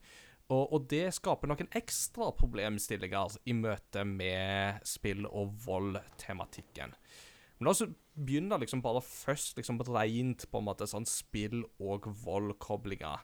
Så er det sånn Hva er tanker som dere sitter med her? Eh, hva er dette en problemstilling dere er ofte ute, i? Er, er dette en problemstilling dere vet ting om? Eh, ja, eh, kom gjerne med innspill eh, her nå. Jeg vet ikke, Jon Edvard. eh, du er jo den som tok kontakt i våre som hadde lyst til å snakke litt om dette. Ja, for jeg syns dette er veldig interessant. Jeg vil, jeg spesifikt snakke om det med, med dere i Crossover Gaming. For å blande blande inn trosgreiene, og vi skal ta det etter hvert. Men uh, dette med spill og vold syns jeg personlig er en veldig utfordrende ting å snakke med folk om. Fordi at jeg møter mange. Jeg kjenner folk som spiller, og folk som ikke spiller. Som er enten er veldig bastant, altså i, si, eller som bare er veldig usikker på dette med spill og vold. For jeg kjenner folk, og jeg har snakket med folk si, voksne, fungerende mennesker, vi skal kalle det det, da, som mener at ja, spill avler vold. Selv om jeg skal si, jeg, jeg mener ikke det sjøl. Men jeg tror kanskje det er mer i denne samtalen enn bare Nei, det gjør ikke det. La oss snakke om noe annet. Mm. Mm. Uh, dere andre, uh, noen takes uh, inn Ja, Mats Jakob. Nei, ehm, jeg har jo møtt det mye opp igjennom.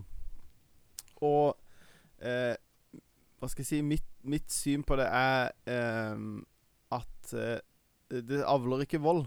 Men, men jeg tror det veldig mange mener eh, Bekymringa til veldig mange er at det ikke er bra for eh, kanskje spesielt barn. Og at normalisering av voldsspill er med på å gjøre at den aldersgrensa blir pusha mer og mer. Og jeg syns jo Jeg er ikke noe mot Fortnite, egentlig, men jeg syns jo Fortnite har vært med på å eh, eh, gjøre det lettere for barn å få foreldre til å si ja til å spille et skytespill fordi at Ja, men se på det her. Det er jo, dette er jo uskyldig. Altså, det er ikke, dette er ikke Doom.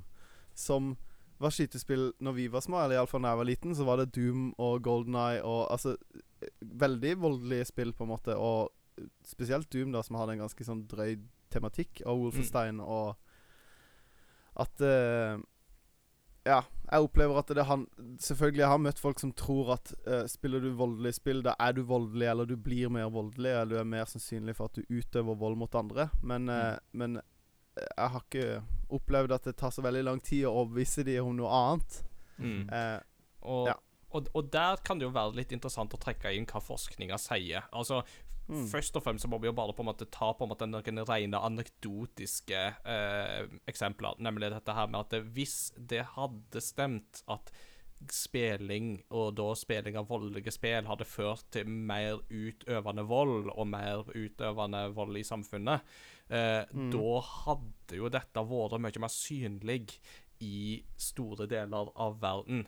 Eh, ofte så er det jo gjerne i USA vi hører denne tematikken mest bli tråkket fram, og da jo i forbindelse med tragiske skyteepisoder, enten det er på skoler eller lignende.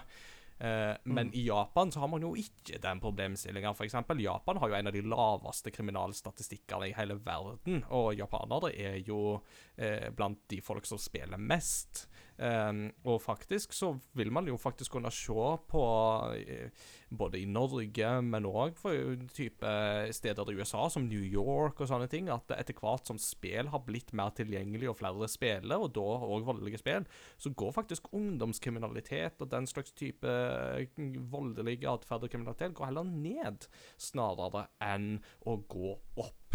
Eh, Så hvis man skal på en måte se på det på et helhetlig kriminalstatistisk eh, perspektiv, så vil man kunne se at tidsspennet, eh, tilgjengeligheten av flere spill, populariteten til spill som Call of Duty og Fortnite, og voldsutøvelse i samfunnet henger ikke sammen i en koherens. Og dette er jo òg noe som American Psychology Institute, eller um, Association eh, Tilgi meg hvis jeg husker det navnet feil, men i hvert fall den største samleorganisasjonen for psykologer i USA gikk jo ut i fjor og sa det at dette er vanskelig forskning å kunne si helt bastant, men vår forskning og metaforskning er veldig klar på at spill i seg sjøl avler ikke voldsbruk hos spilleren. Tvert imot, det å skylde på spill kan heller være med på å forskyve tematikken bort ifra mer reelle faktiske problemstillinger, som f.eks. vold i nære relasjoner, eh, eller eh, eksponering for alkohol, sosiale forskjeller og lignende, som vi har veldig mye mer dokumentert eh, forskning på er kilde til vold. Ja, og der vil jeg òg si det der med at uh, for noen For vi har jo noen forferdelige handlinger som har skjedd de siste 10-15-20 årene. Eh, eh, I forbindelse med 22. juli var det sitert at uh, mannen, altså Anders Behring Mervik at han spilte videospill, og er under Columbine-hendelsen i USA. liksom og jeg, for de som Altså igjen, dette er sånne ting som man sier, og som gjerne man blir veldig provosert av. For det er store, forferdelige ting. Eh, og så skal man prø prøve å putte det på spill. Men der er det så mye mer, som du sier, Ingar. Det er så mye mer inni den boblen av igjen, av forhistorie med andre ting.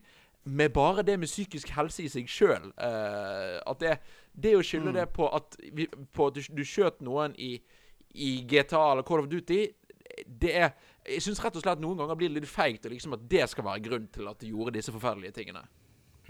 Absolutt.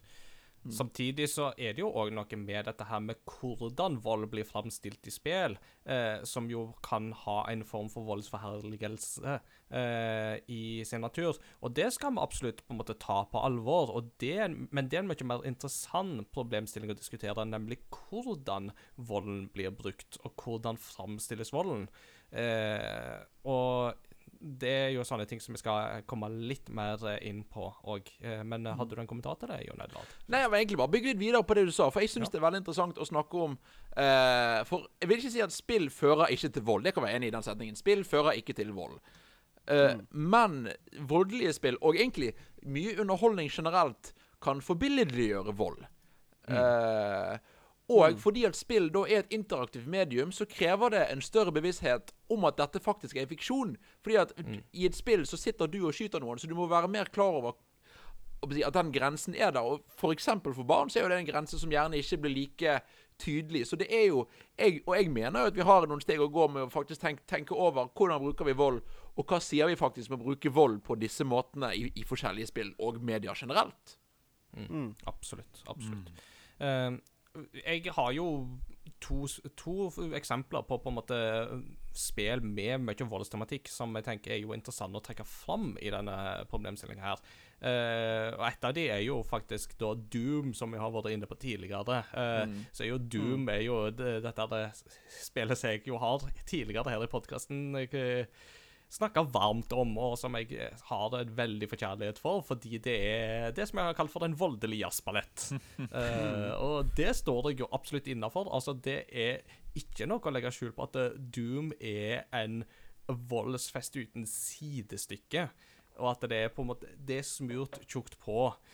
Men det som jo Doom gjør så bra i forhold til sin voldsbruk, er at det smører det så tjukt på at det blir helt umulig å ta det seriøst. Um, og dette brukes jo inn imot en kontekst der det er jo helvetes porter å åpne, og demoner slipper ut, og da er det jo litt sånn Og de vil jo ikke deg noe godt, snarere tvert imot. De vil jo dra din sjel til evig fortapelse, for det er det de får sin energi ut ifra. Og da er det sånn eh, Og da blir det jo det sånn kontrapunktisk vold, eh, for å bruke et sånt begrep, med at eh, da er det du som doomguy som på en måte svarer hardt mot hardt. Men igjen så er det noe med at det, blir liksom så tjukt smurt på at det Det er vanskelig å forklare liksom eksakt hvordan id får det til, men de klarer i alle fall å få til en form for på en måte sånn ekstrem gore, som igjen blir på en måte en slags sjanger i seg sjøl, da. Eh, det er dermed ikke sagt at det, det er et spill som jeg uh, ville sagt at det går helt fint å, å spille hvis du har spilt Fortnite og er vant med den uh, skytetematikken, for det er ganske mange steg imellom der, og her er det veldig mye som må tolkes. Men eh, det å forsvare Doom likevel som et interessant spill med tanke på voldsbruk, det vil jeg si. Og i den forbindelse Doom Eternal kom jo i år, og det kom 20. mars. Da satt vi hjemme, og verden var ganske elendig akkurat da for veldig, veldig mange. Da føltes det ekstra godt å ha et sånt katartisk utløpsmulighet i spill. Med at det er sånn nå, nå er jeg så sur på verden at jeg har lyst å slå noen i trynet. Men her er det noen demoner dere kan skyte i trynet i stedet. Klakk. OK, det er veldig, veldig deilig akkurat nå, for nå er det det jeg faktisk trenger. Eh, Og igjen, og der òg, som du sier, igjen med å ha litt uh, vite, hva- si, vite hva spillet du skal spille. Enkelt og greit, fordi igjen Jeg har lyst til å nevne barn av og til, fordi at barn er gamere, de òg, og det blir ofte tematikk. Se på aldersgrenser, og følg aldersgrenser. Og hvis du skal trosse aldersgrenser, så ha, ha en gamer på laget som vet hva du, hva du holder på med. Ikke bare sånn Absolutt. ja, 'Det går sikkert greit med dette spillet'. Absolutt. Og jeg er veldig sterk forkjemper for aldersgrenser sjøl, altså. Det er sant. Eh, Mats Jakob? Ja ja, det var egentlig det jeg skulle spille inn, da. At, uh, at eh, mange jeg har snakka med, opplever at uh, og, og det er jo også en ting. Så et spill som er så stort som Fortnite, da, for eksempel. Uh, eh, og at det, det er faktisk litt sånn Ja, men alle spiller det. Det er faktisk sånn at alle spiller det. Det er eh, altså eh, ha flere venner og kolleger og eh, eh, elever som og foreldre som sier at liksom Ja, men nå er han den eneste i klassen som ikke får lov. Han blir utenfor Altså, han, eh, han eller hun får ikke eh, De havner utenfor. De Mm. havner utenfor samtalen på lekeplassen, i klasserommet, i ganga. Fordi de er ikke med på den tingen, og at det blir en sånn eh, Og det, jeg syns ikke det er Jeg synes jo på ingen måte det er positivt at det er sånn at det, de foreldrene som ikke har lyst, må faktisk gi opp. Fordi at hvis de ikke så forsaker de eh, det sosiale spillet på, i- på barnas sosiale arenaer. Eh, men det, jeg syns jo det er så trist at det er Det fører Det blir gruppepress, da.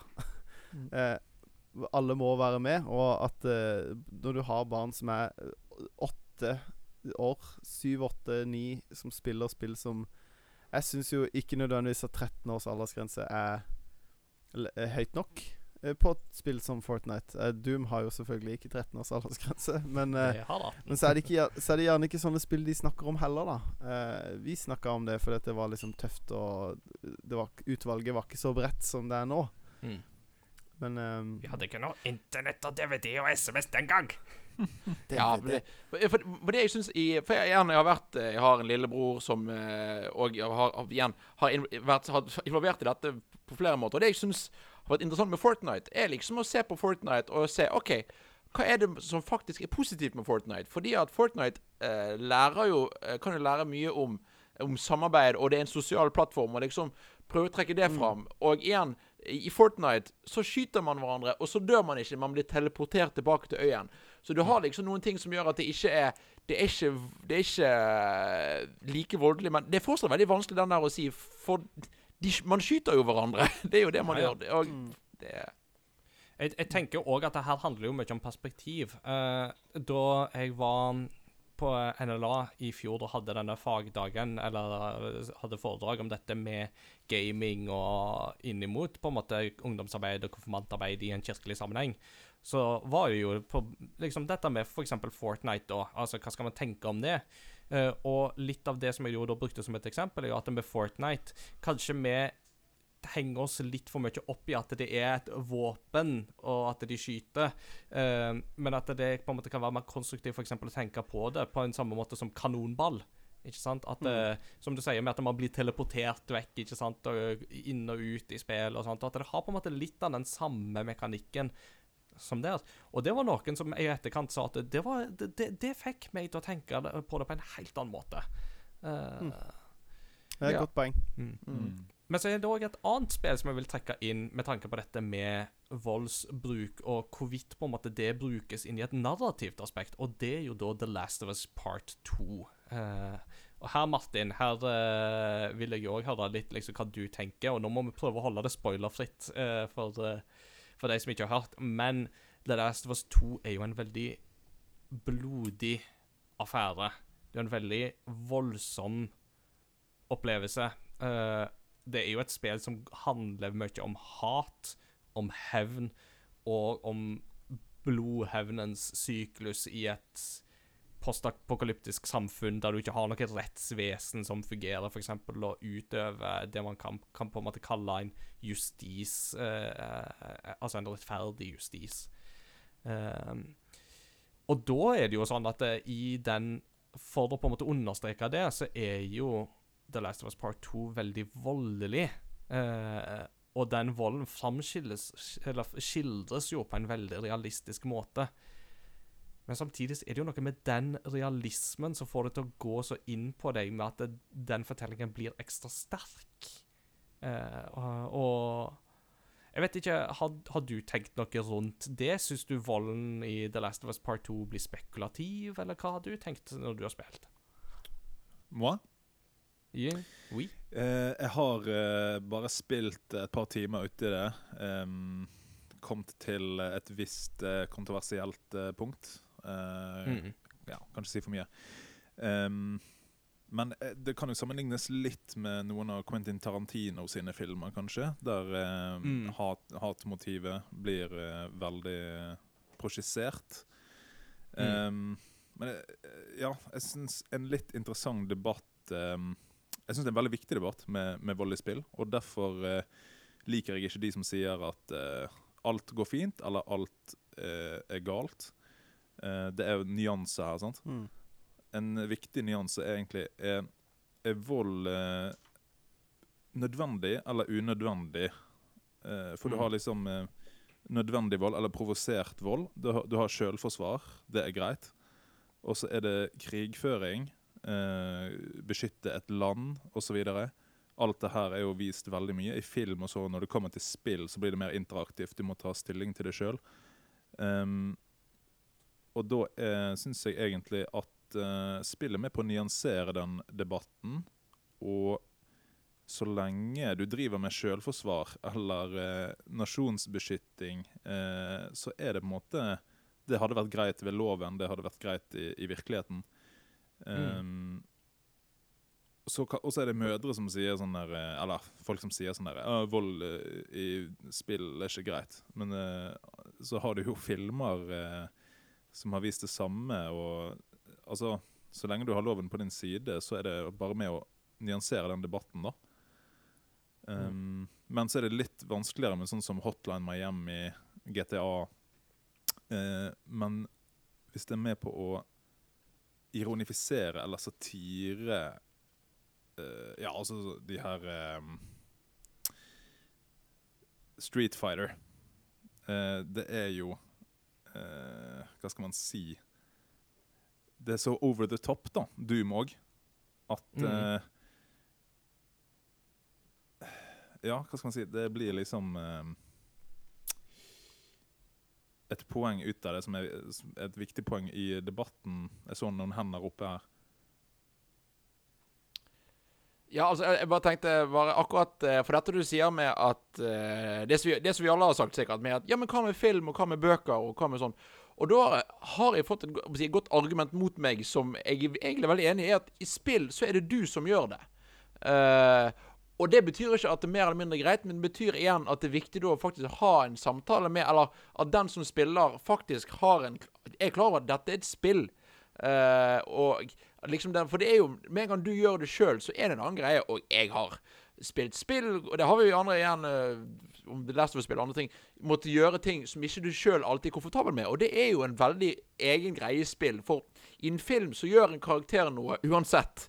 Mens i spillet så er det faktisk du Du må noen ganger gjennomføre ting som du kanskje ikke syns er greit sjøl, og det er jo en veldig utfordrende ting, da. Mm, absolutt. Og for The Last of Us Part 2 så er jo det et eh, spørsmål der med at en føler at eh, dette ikke er en voldsutøvelse jeg ville gjort, eller det, det er ikke det jeg har lyst til å gjøre.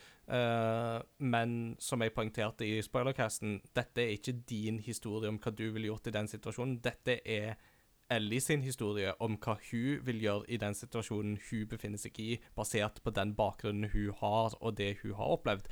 Og da fortoner det seg med en gang ganske annerledes, så man må ta det ut ifra det, da. Og jeg er veldig glad for at du, Martin, nevnte Tarantino-filmer, for det er jo et eksempel som jeg syns er veldig aktuelt i den debatten å ta, nemlig f.eks.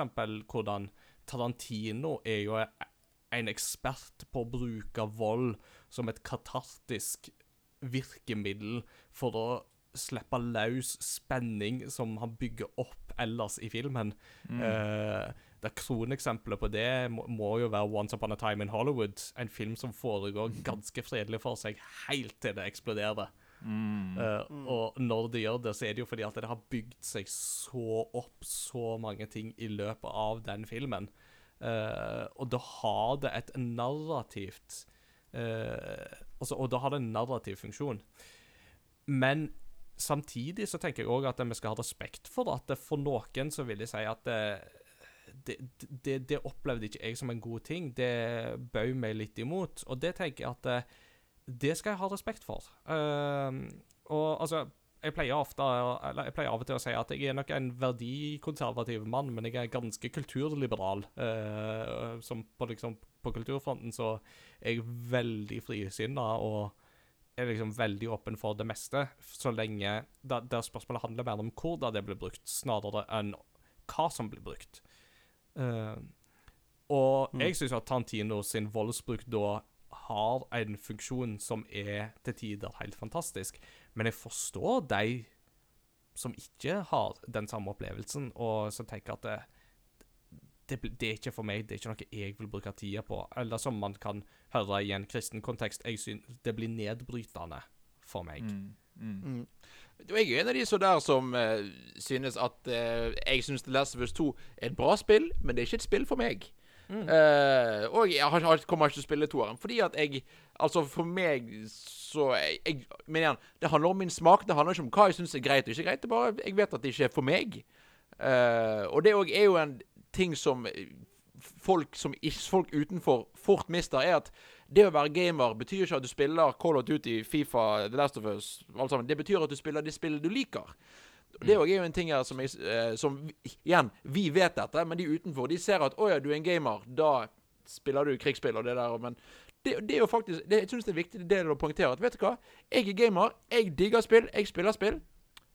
Men jeg spiller ikke alle spill, og det betyr òg at jeg spiller spill som er voldelig fordi de liker det, jeg spiller spill som ikke er voldelig fordi de ikke liker det. Og det å vise at selv innenfor gamerverdenen så er det et veldig nyansert bilde av hva vi spiller, og hvorfor vi spiller det.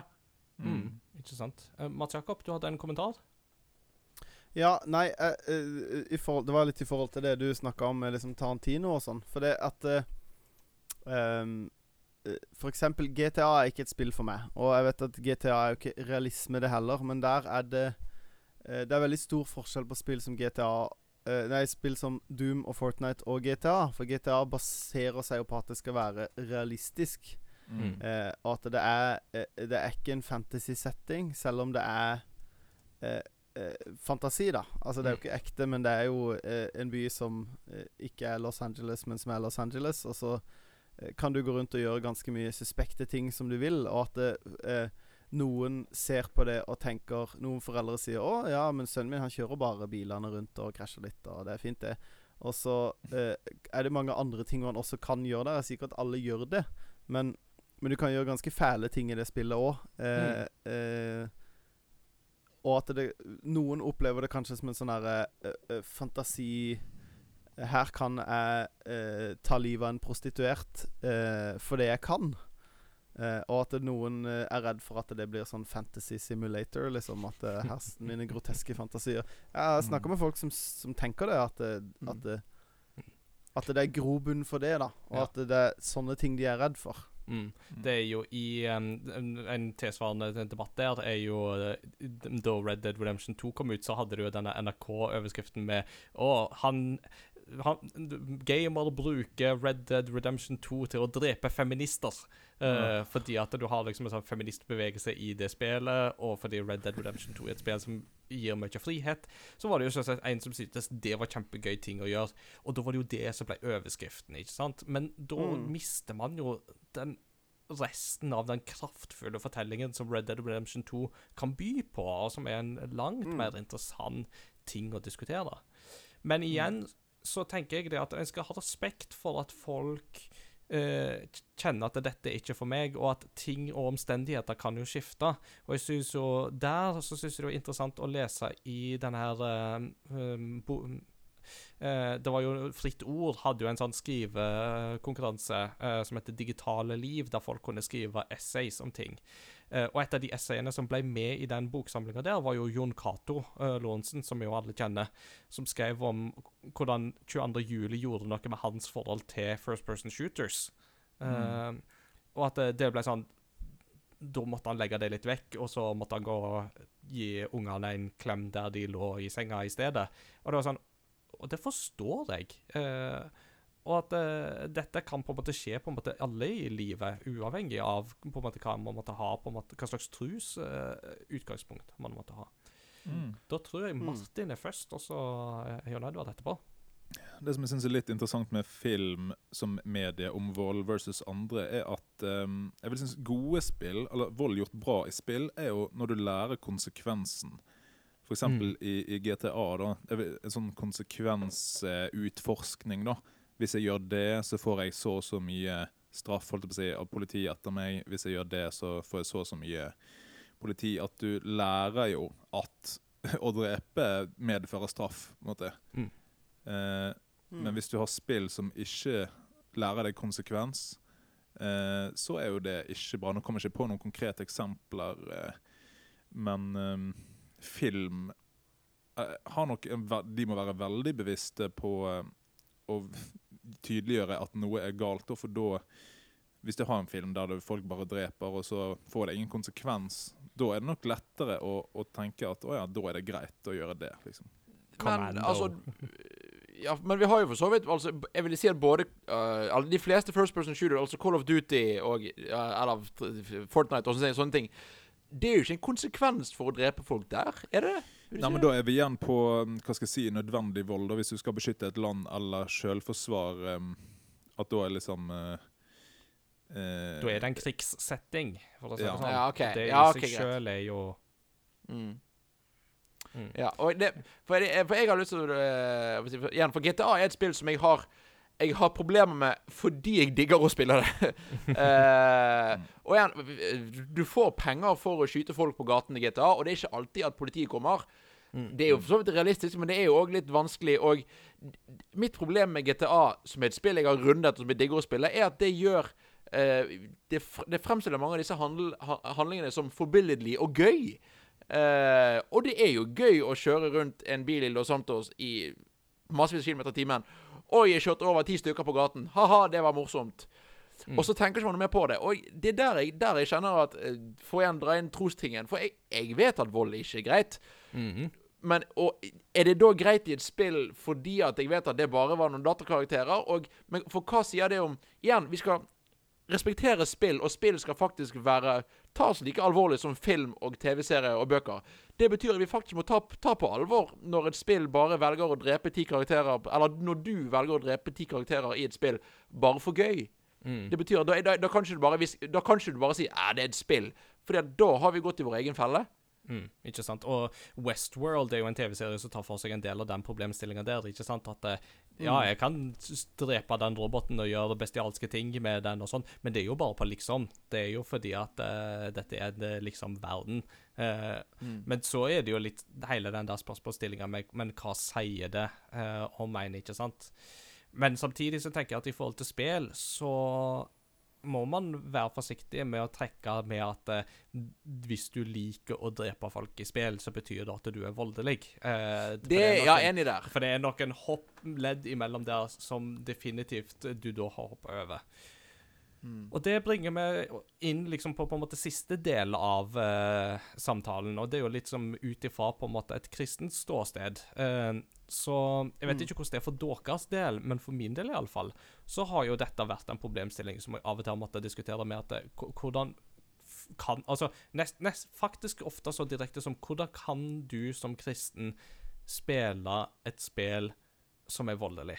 Eh, hvordan vil du forsvare det? Eh, og da er jo utgangspunktet en tanke om at ut ifra en kristen tro så er voldsbruk er noe en skal avstå ifra, eller ikke eh, legitimere. Eh, en skal vende det andre kinnet til, en skal elske sin fiende, eh, og ikke og, og, og tanken om at er man en kristen, så bekjenner man sin tru på en som kalles for fredsfyrste, eh, og som tross alt er for å skape fred og forsoning, og ikke å skape vold og splid.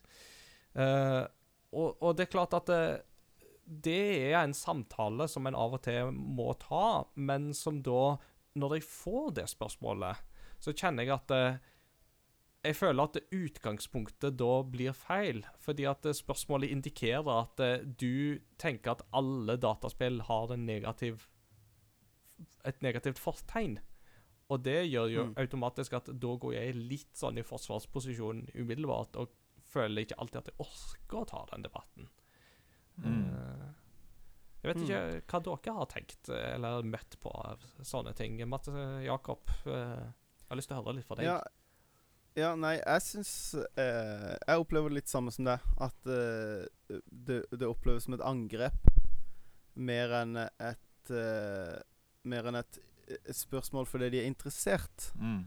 Eh, og at det er eh, på en måte Det er et ganske Jeg opplever det som litt sånn fordømmende At det kommer fra et fordømmende sted, da. Eh, og Ja, det blir litt sånn for, Det blir forsvar, da. Og når man sier jo, men eh, det står i Bibelen du skal ikke slå i hjel og ditten og datten Ditten og datten. eh, det står jo masse ting om, om vold i Bibelen, og uh, som du sier og at det liksom, ja, hvordan kan man spille voldelig spill da? Og eh, jeg har ikke nødvendigvis noe godt svar på det, men jeg har aldri følt at det har eh, gjort meg eh, Gitt meg eh, Altså gått utover min tro, eller at jeg føler at liksom Hva skal jeg si? At jeg får noen påminnelser fra Gud om at eh, Hei, hei. Dette, dette, dette må ikke du drive med, sånne ting. Og som du sier, alle spill er jo ikke voldelige spill. Mm. Eh, så det blir jo litt sånn igjen den derre Å ja, du liker spill, så derfor så liker du eh, halvnakne anime-jenter. Mm. Eh, du spiller spill, og da det, det er voldelig. Det er farlig. Eh, og eh, det, er, det er ikke Det er ikke school shooting simulator alle spiller, på en måte. Ikke det at jeg tror det spillet fins, men uh, Jo, at det finnes faktisk. oppleves Å, herlig. da. Mer eller mindre. Spillet Hatred går jo mer eller mindre bare på at du skal være en sånn massakreperson. Og Og det det er jo sånn Du det det- bare må si med en gang at det er forkastelig, og det spillet ble Ja, det- jo stempla som forkastelig òg. Og det finnes, Ja, det det finnes det, spill som heter Columbine Simulators. Og det, for det er jo noen som syns det er gøy og liksom ah, Vi fikk, eh, vi fikk smør på å. Vi, gjør, vi lager disse spillene folk snakker om. Øh. Mm.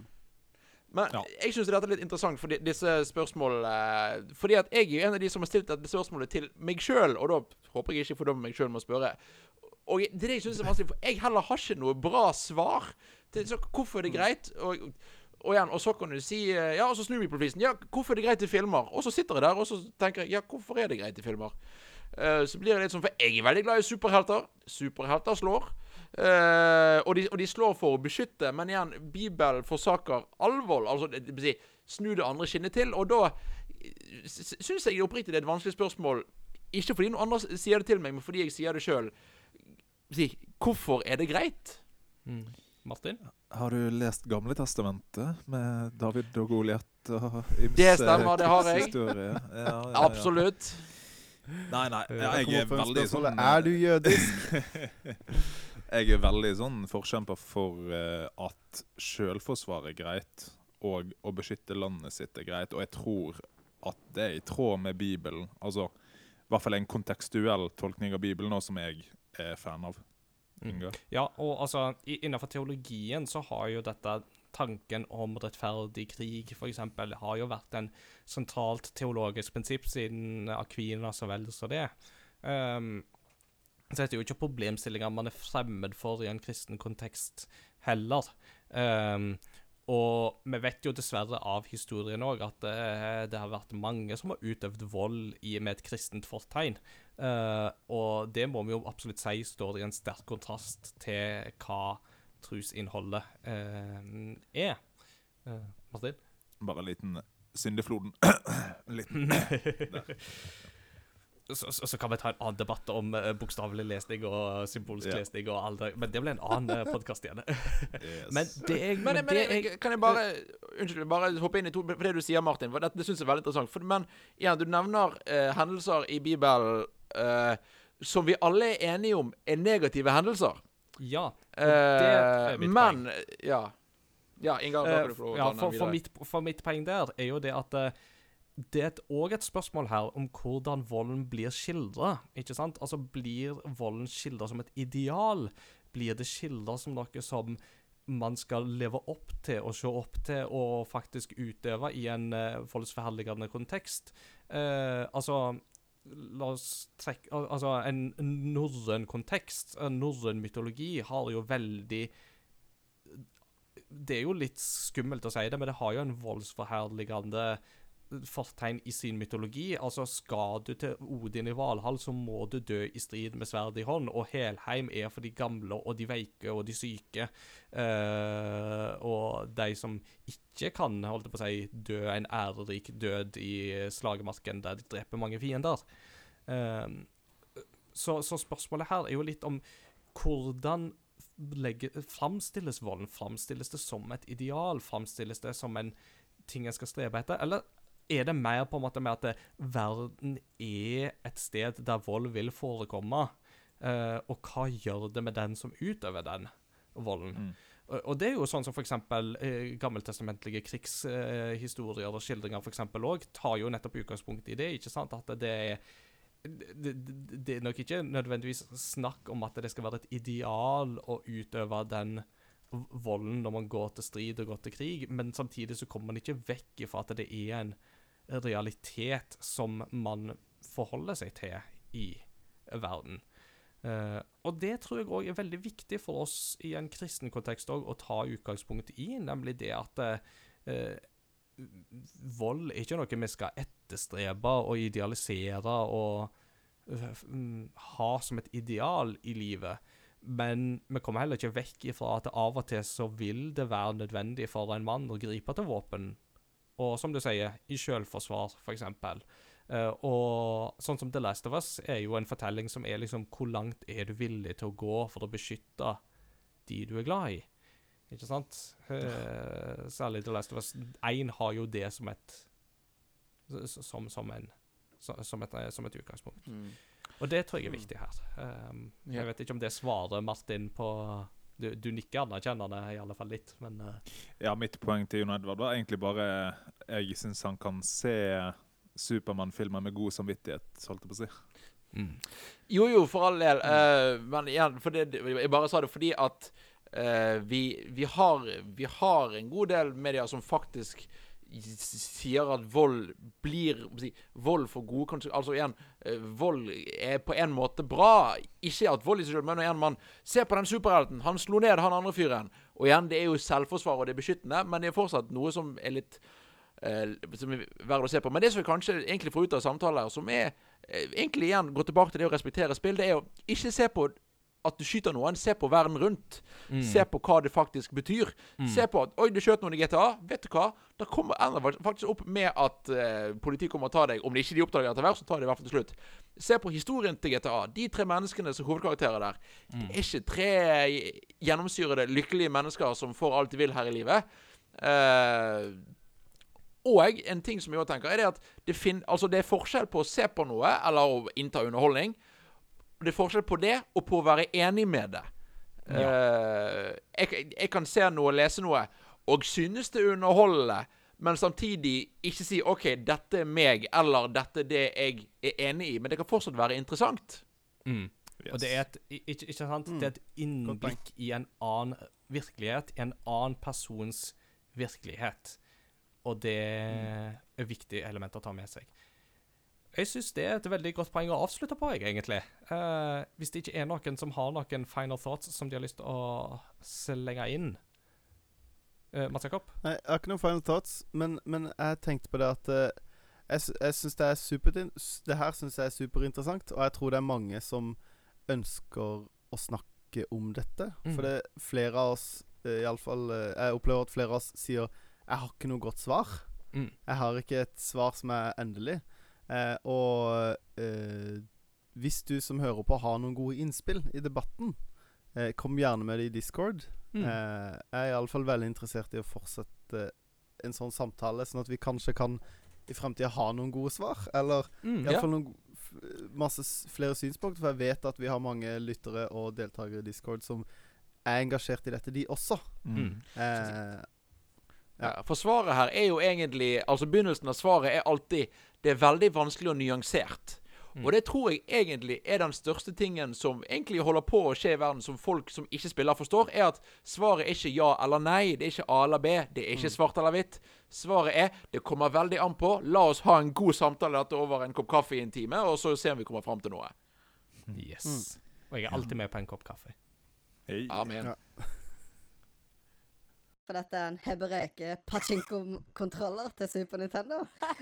Er. It's curiosity.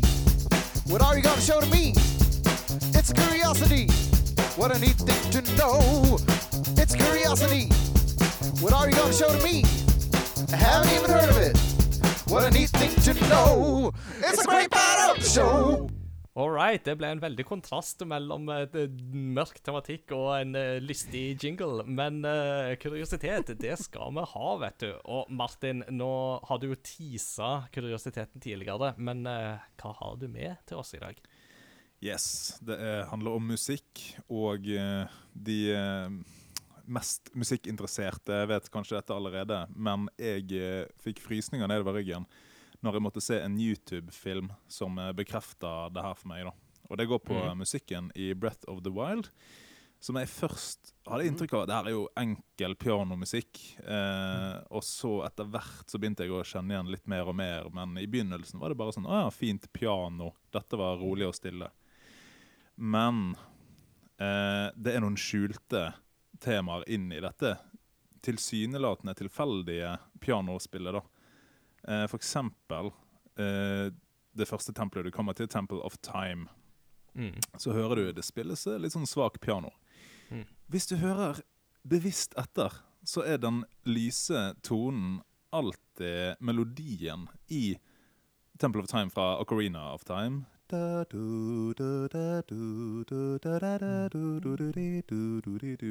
Reharmonisert på en eksepsjonelt smakfull eh, jazzharmonisering. Eh, all kudos til eh, komponisten, som jeg selvfølgelig ikke har oppe her akkurat nå. Eh, kvinne, vet jeg. Jeg kan spille av kjapt det som spilles av ganske sakte, kan jeg spille opp av i en eh, lydfil i riktig tempo, da. Mm. Mm.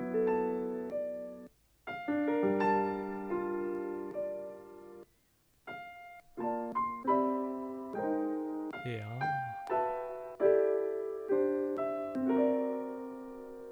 Riktig. Riktig. Det er så nydelig. Og det er mange av de um, easter eggsene som er gjemt og dryssa uh, eh, utover i spillet. Um, når du er i Hyrule Castle, ja. altså skal slåss mot eh, Ganon himself. Åh, det temaet er så Det, bra. ja, musikktema. så. Der har du blanda inn mange temaer. Én ting er jo Mhm. eh, main theme. La ba da ba da ba da da da da da. Um, Men så kommer Seldas lullaby inni der. Mm. Og eh, det er så mange temaer der, hvis du hører på em, hele filen i seg sjøl, som er Mm. ekstremt deilig harmonisert og gjemt. Um, Ingar? Og så har de òg vevd inn 'Ballad of the Windfish' der. Ja. Fra Ja. Link's Awakening. Som er ba, ba, ba, ba, ba, ba, ba, ba, ba, ba. Yes. Og så bygger de det over da, til at det går over i Gannons time. Ba, ba, ba, ba, ba, ba, ba. Og så, åh, mm -hmm. Mhm. det temaet der er så bra. Mhm. Så Sorry, nå tok jeg over kuriositeten din. Nei, men helt, eh, helt riktig gjort. Og eh, bare søk på YouTube uh, Breath of the Wild Music References, eksempel. Så finner du masse deilige krydder. Jeg husker da det spillet kom ut, så var det én ting folk kritiserte det for. var sånn, å, det har ikke musikk. Eh, spillet har fem CD-er med musikk eh, i seg, og som du jo påpeker, det er så mye materiale som ligger der. Eh, men det er jo en annen bruk av musikk enn det en -hmm. kanskje er vant med. Eh, og det, men, men det er en annen sak. Ja, et deilig eksempel er når du rir, så eh, Mm. på dagen så spilles det litt sånn der piano, men slow motion i bakgrunnen, stryken som går, er du, du, du. Altså Seldas lullaby. Slow motion. Som, hvis ikke du vet det, så tenker ikke du så mye over det. Og på natten så er det da eh, main theme s- som går i bakgrunnen i slow motion. Det er bare deilig bruk av motivene som Koji Kondo, legenden himself, eh, lagde back in the day. Jeg hadde en veldig gøyal opplevelse med musikken i Breath of the Wild, og det var første gang jeg kom til en av disse her eh, stallene. Uh, Ja. Så har du jo dette her stalltemaet, ikke sant? Dum, dum, dum, dum. Uh, Mm. og jeg var bare sånn Med hvordan musikkprogresjonen og tempo og kardrekkefølgen og sånt var, så var jeg bare sånn her Her passer det å legge på Eponas team. Da, da, da, da, da, da. Og så kom jeg jo seinere til en stall der han Kaz, han eh, Yes. fuglen med trekkspillet, står Yes. og spiller nettopp Eponas theme der Mm. mens du har liksom den der stallmusikken. Og jeg var sånn I knew it! I knew it! Ja, men det er, sånn, det er sånn perfekt bruk av de gamle temaene. For hvis de hadde brukt de veldig tydelig, så hadde det blitt litt sånn oppbrukt, på en måte. Men de krydrer så ekstremt smakfullt gjennom hele spillet. Altså, det er mesterlig. Det er mesterlig, rett og slett.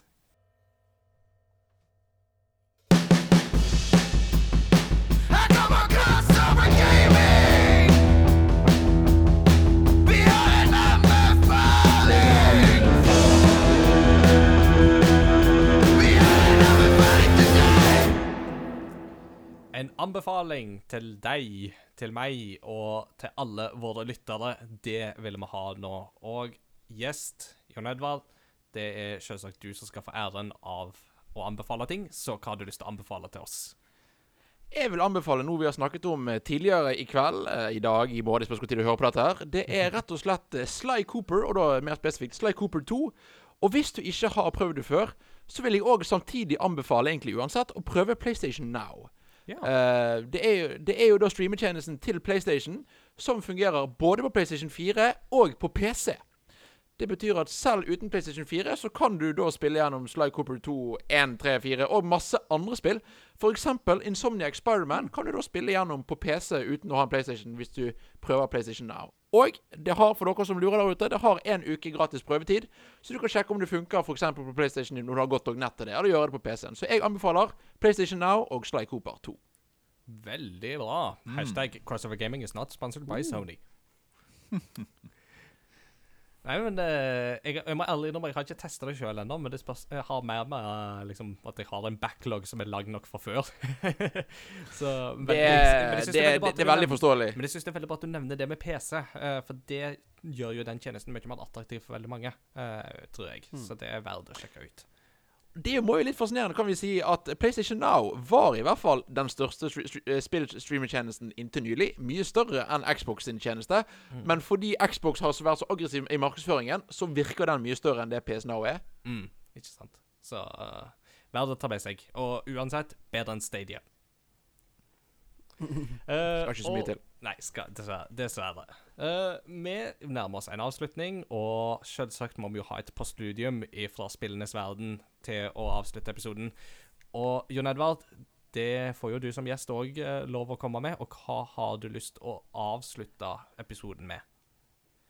OK, gutter. Hvis jeg sier uh, tittel so Soliana New City Noen av dere vet hva jeg snakker om? Nei. Soliana, er det Pokémon? Det er ikke Pokémon. Greien er at jeg har tatt med meg en låt ifra klassespillet Sonic 06. uh, og greien er at uh, i mine yngre dager så var jeg der at uh, Dette må ikke dere si til noen, men jeg lastet ned sånn torrenter med All Sonic Music og puttet inn på iPoden min. Eh, og så trykket jeg bare på random. Og en dag så dukket denne låten her, Soliana New City, opp fra en tredje hubworld i en eller annen by i Sonic 06. Nice. Og denne låten er rett og slett bare en haug med musikere som koser seg og jammer. Det er en fet basslinje, det er trommer og gitarer som slipper seg løs. Det er rett og slett en fet låt som jeg digger å bare høre på. Uh, egentlig beskrivelsen er det er musikere som har det gøy. Og du, eh, og du merker ikke at det, at det er et Sonic-spill engang. Det, er bare- det er bare digg og fet musikk. Så det anbefaler jeg, og den får dere straks høre. Soliana New City. Nice. Eh, Jeg elsker musikk der du bare hører at dette er musikere som kommer sammen og har det gøy. Det er sånn ah, jeg digger det. Uh, Godt tegn. veldig godt Apropos tegn. Ja, musikere, så må jeg bare nevne komponistene til Breath of the Wild-soundtracket. Det er Ja. Manaka Kataoka, og så Mhm. er det Yasuaki Iwata, og så er det Hajime Wakai. Ja, Wakai har jo vært en uh, gjenganger helt siden Wind Waker, så siden Yes. Hajime. Mm. Uh, og for Sonic eh, 06 så kan jeg uh, da annonsere da at det er da musikk skrevet av Hideaki Kobayashi, Tomoya Otani, Mariko Namba, Taihe Sato og Takehito Eguchi. Så det er en ganske lang liste uh, på Sonic 06, Mm. altså. Men eh, yes Uh, Da satser vi på at vi får noen tunes i uh, beste sånn uh, Koinonia, Toto, Stilly Dan uh, grooves som bare liksom gir det vibes av musikere having a good time. Det, Mm. yeah. Jon Edvard, tusen takk for at du tok deg tid til å være eh, med i denne episoden sammen med oss. Det syns jeg var veldig artig. Eh, Absolutt. Tusen takk for at jeg fikk lov å være med. Dette har vært eh, veldig spennende og eh, veldig hyggelig, rett og slett. Dere er hyggelige folk å snakke med. Ja, det blir så hyggelig å høre. Ja, det er hyggelig stemning her nå. Ja, ja, ja. Og veldig kjekt å ha deg med. Hvis folk eh, har lyst på å høre meg, deg snakke mer, så minner vi om at eh, du har vært med i en eh, podkast som heter Jump, J- J-Ø-M-P. eh, så den kan være verd å høre litt på. Eh, Martin, Siden det var så hyggelig stemning, skal vi alle gi hverandre en virtuell klem? En skikkelig Og så kan, så kan lytterne Ah, Ja, Klemme med. Åh, klem med alle sammen. Om du sitter på toget, strekk fram armene og klem Ikke klem de andre på toget, men klem luften. Ja, ja, absolutt. Klem i lufta. Og så snakkes vi ved neste korsvei. Ha det bra! Ha det bra. Gotta hug fast.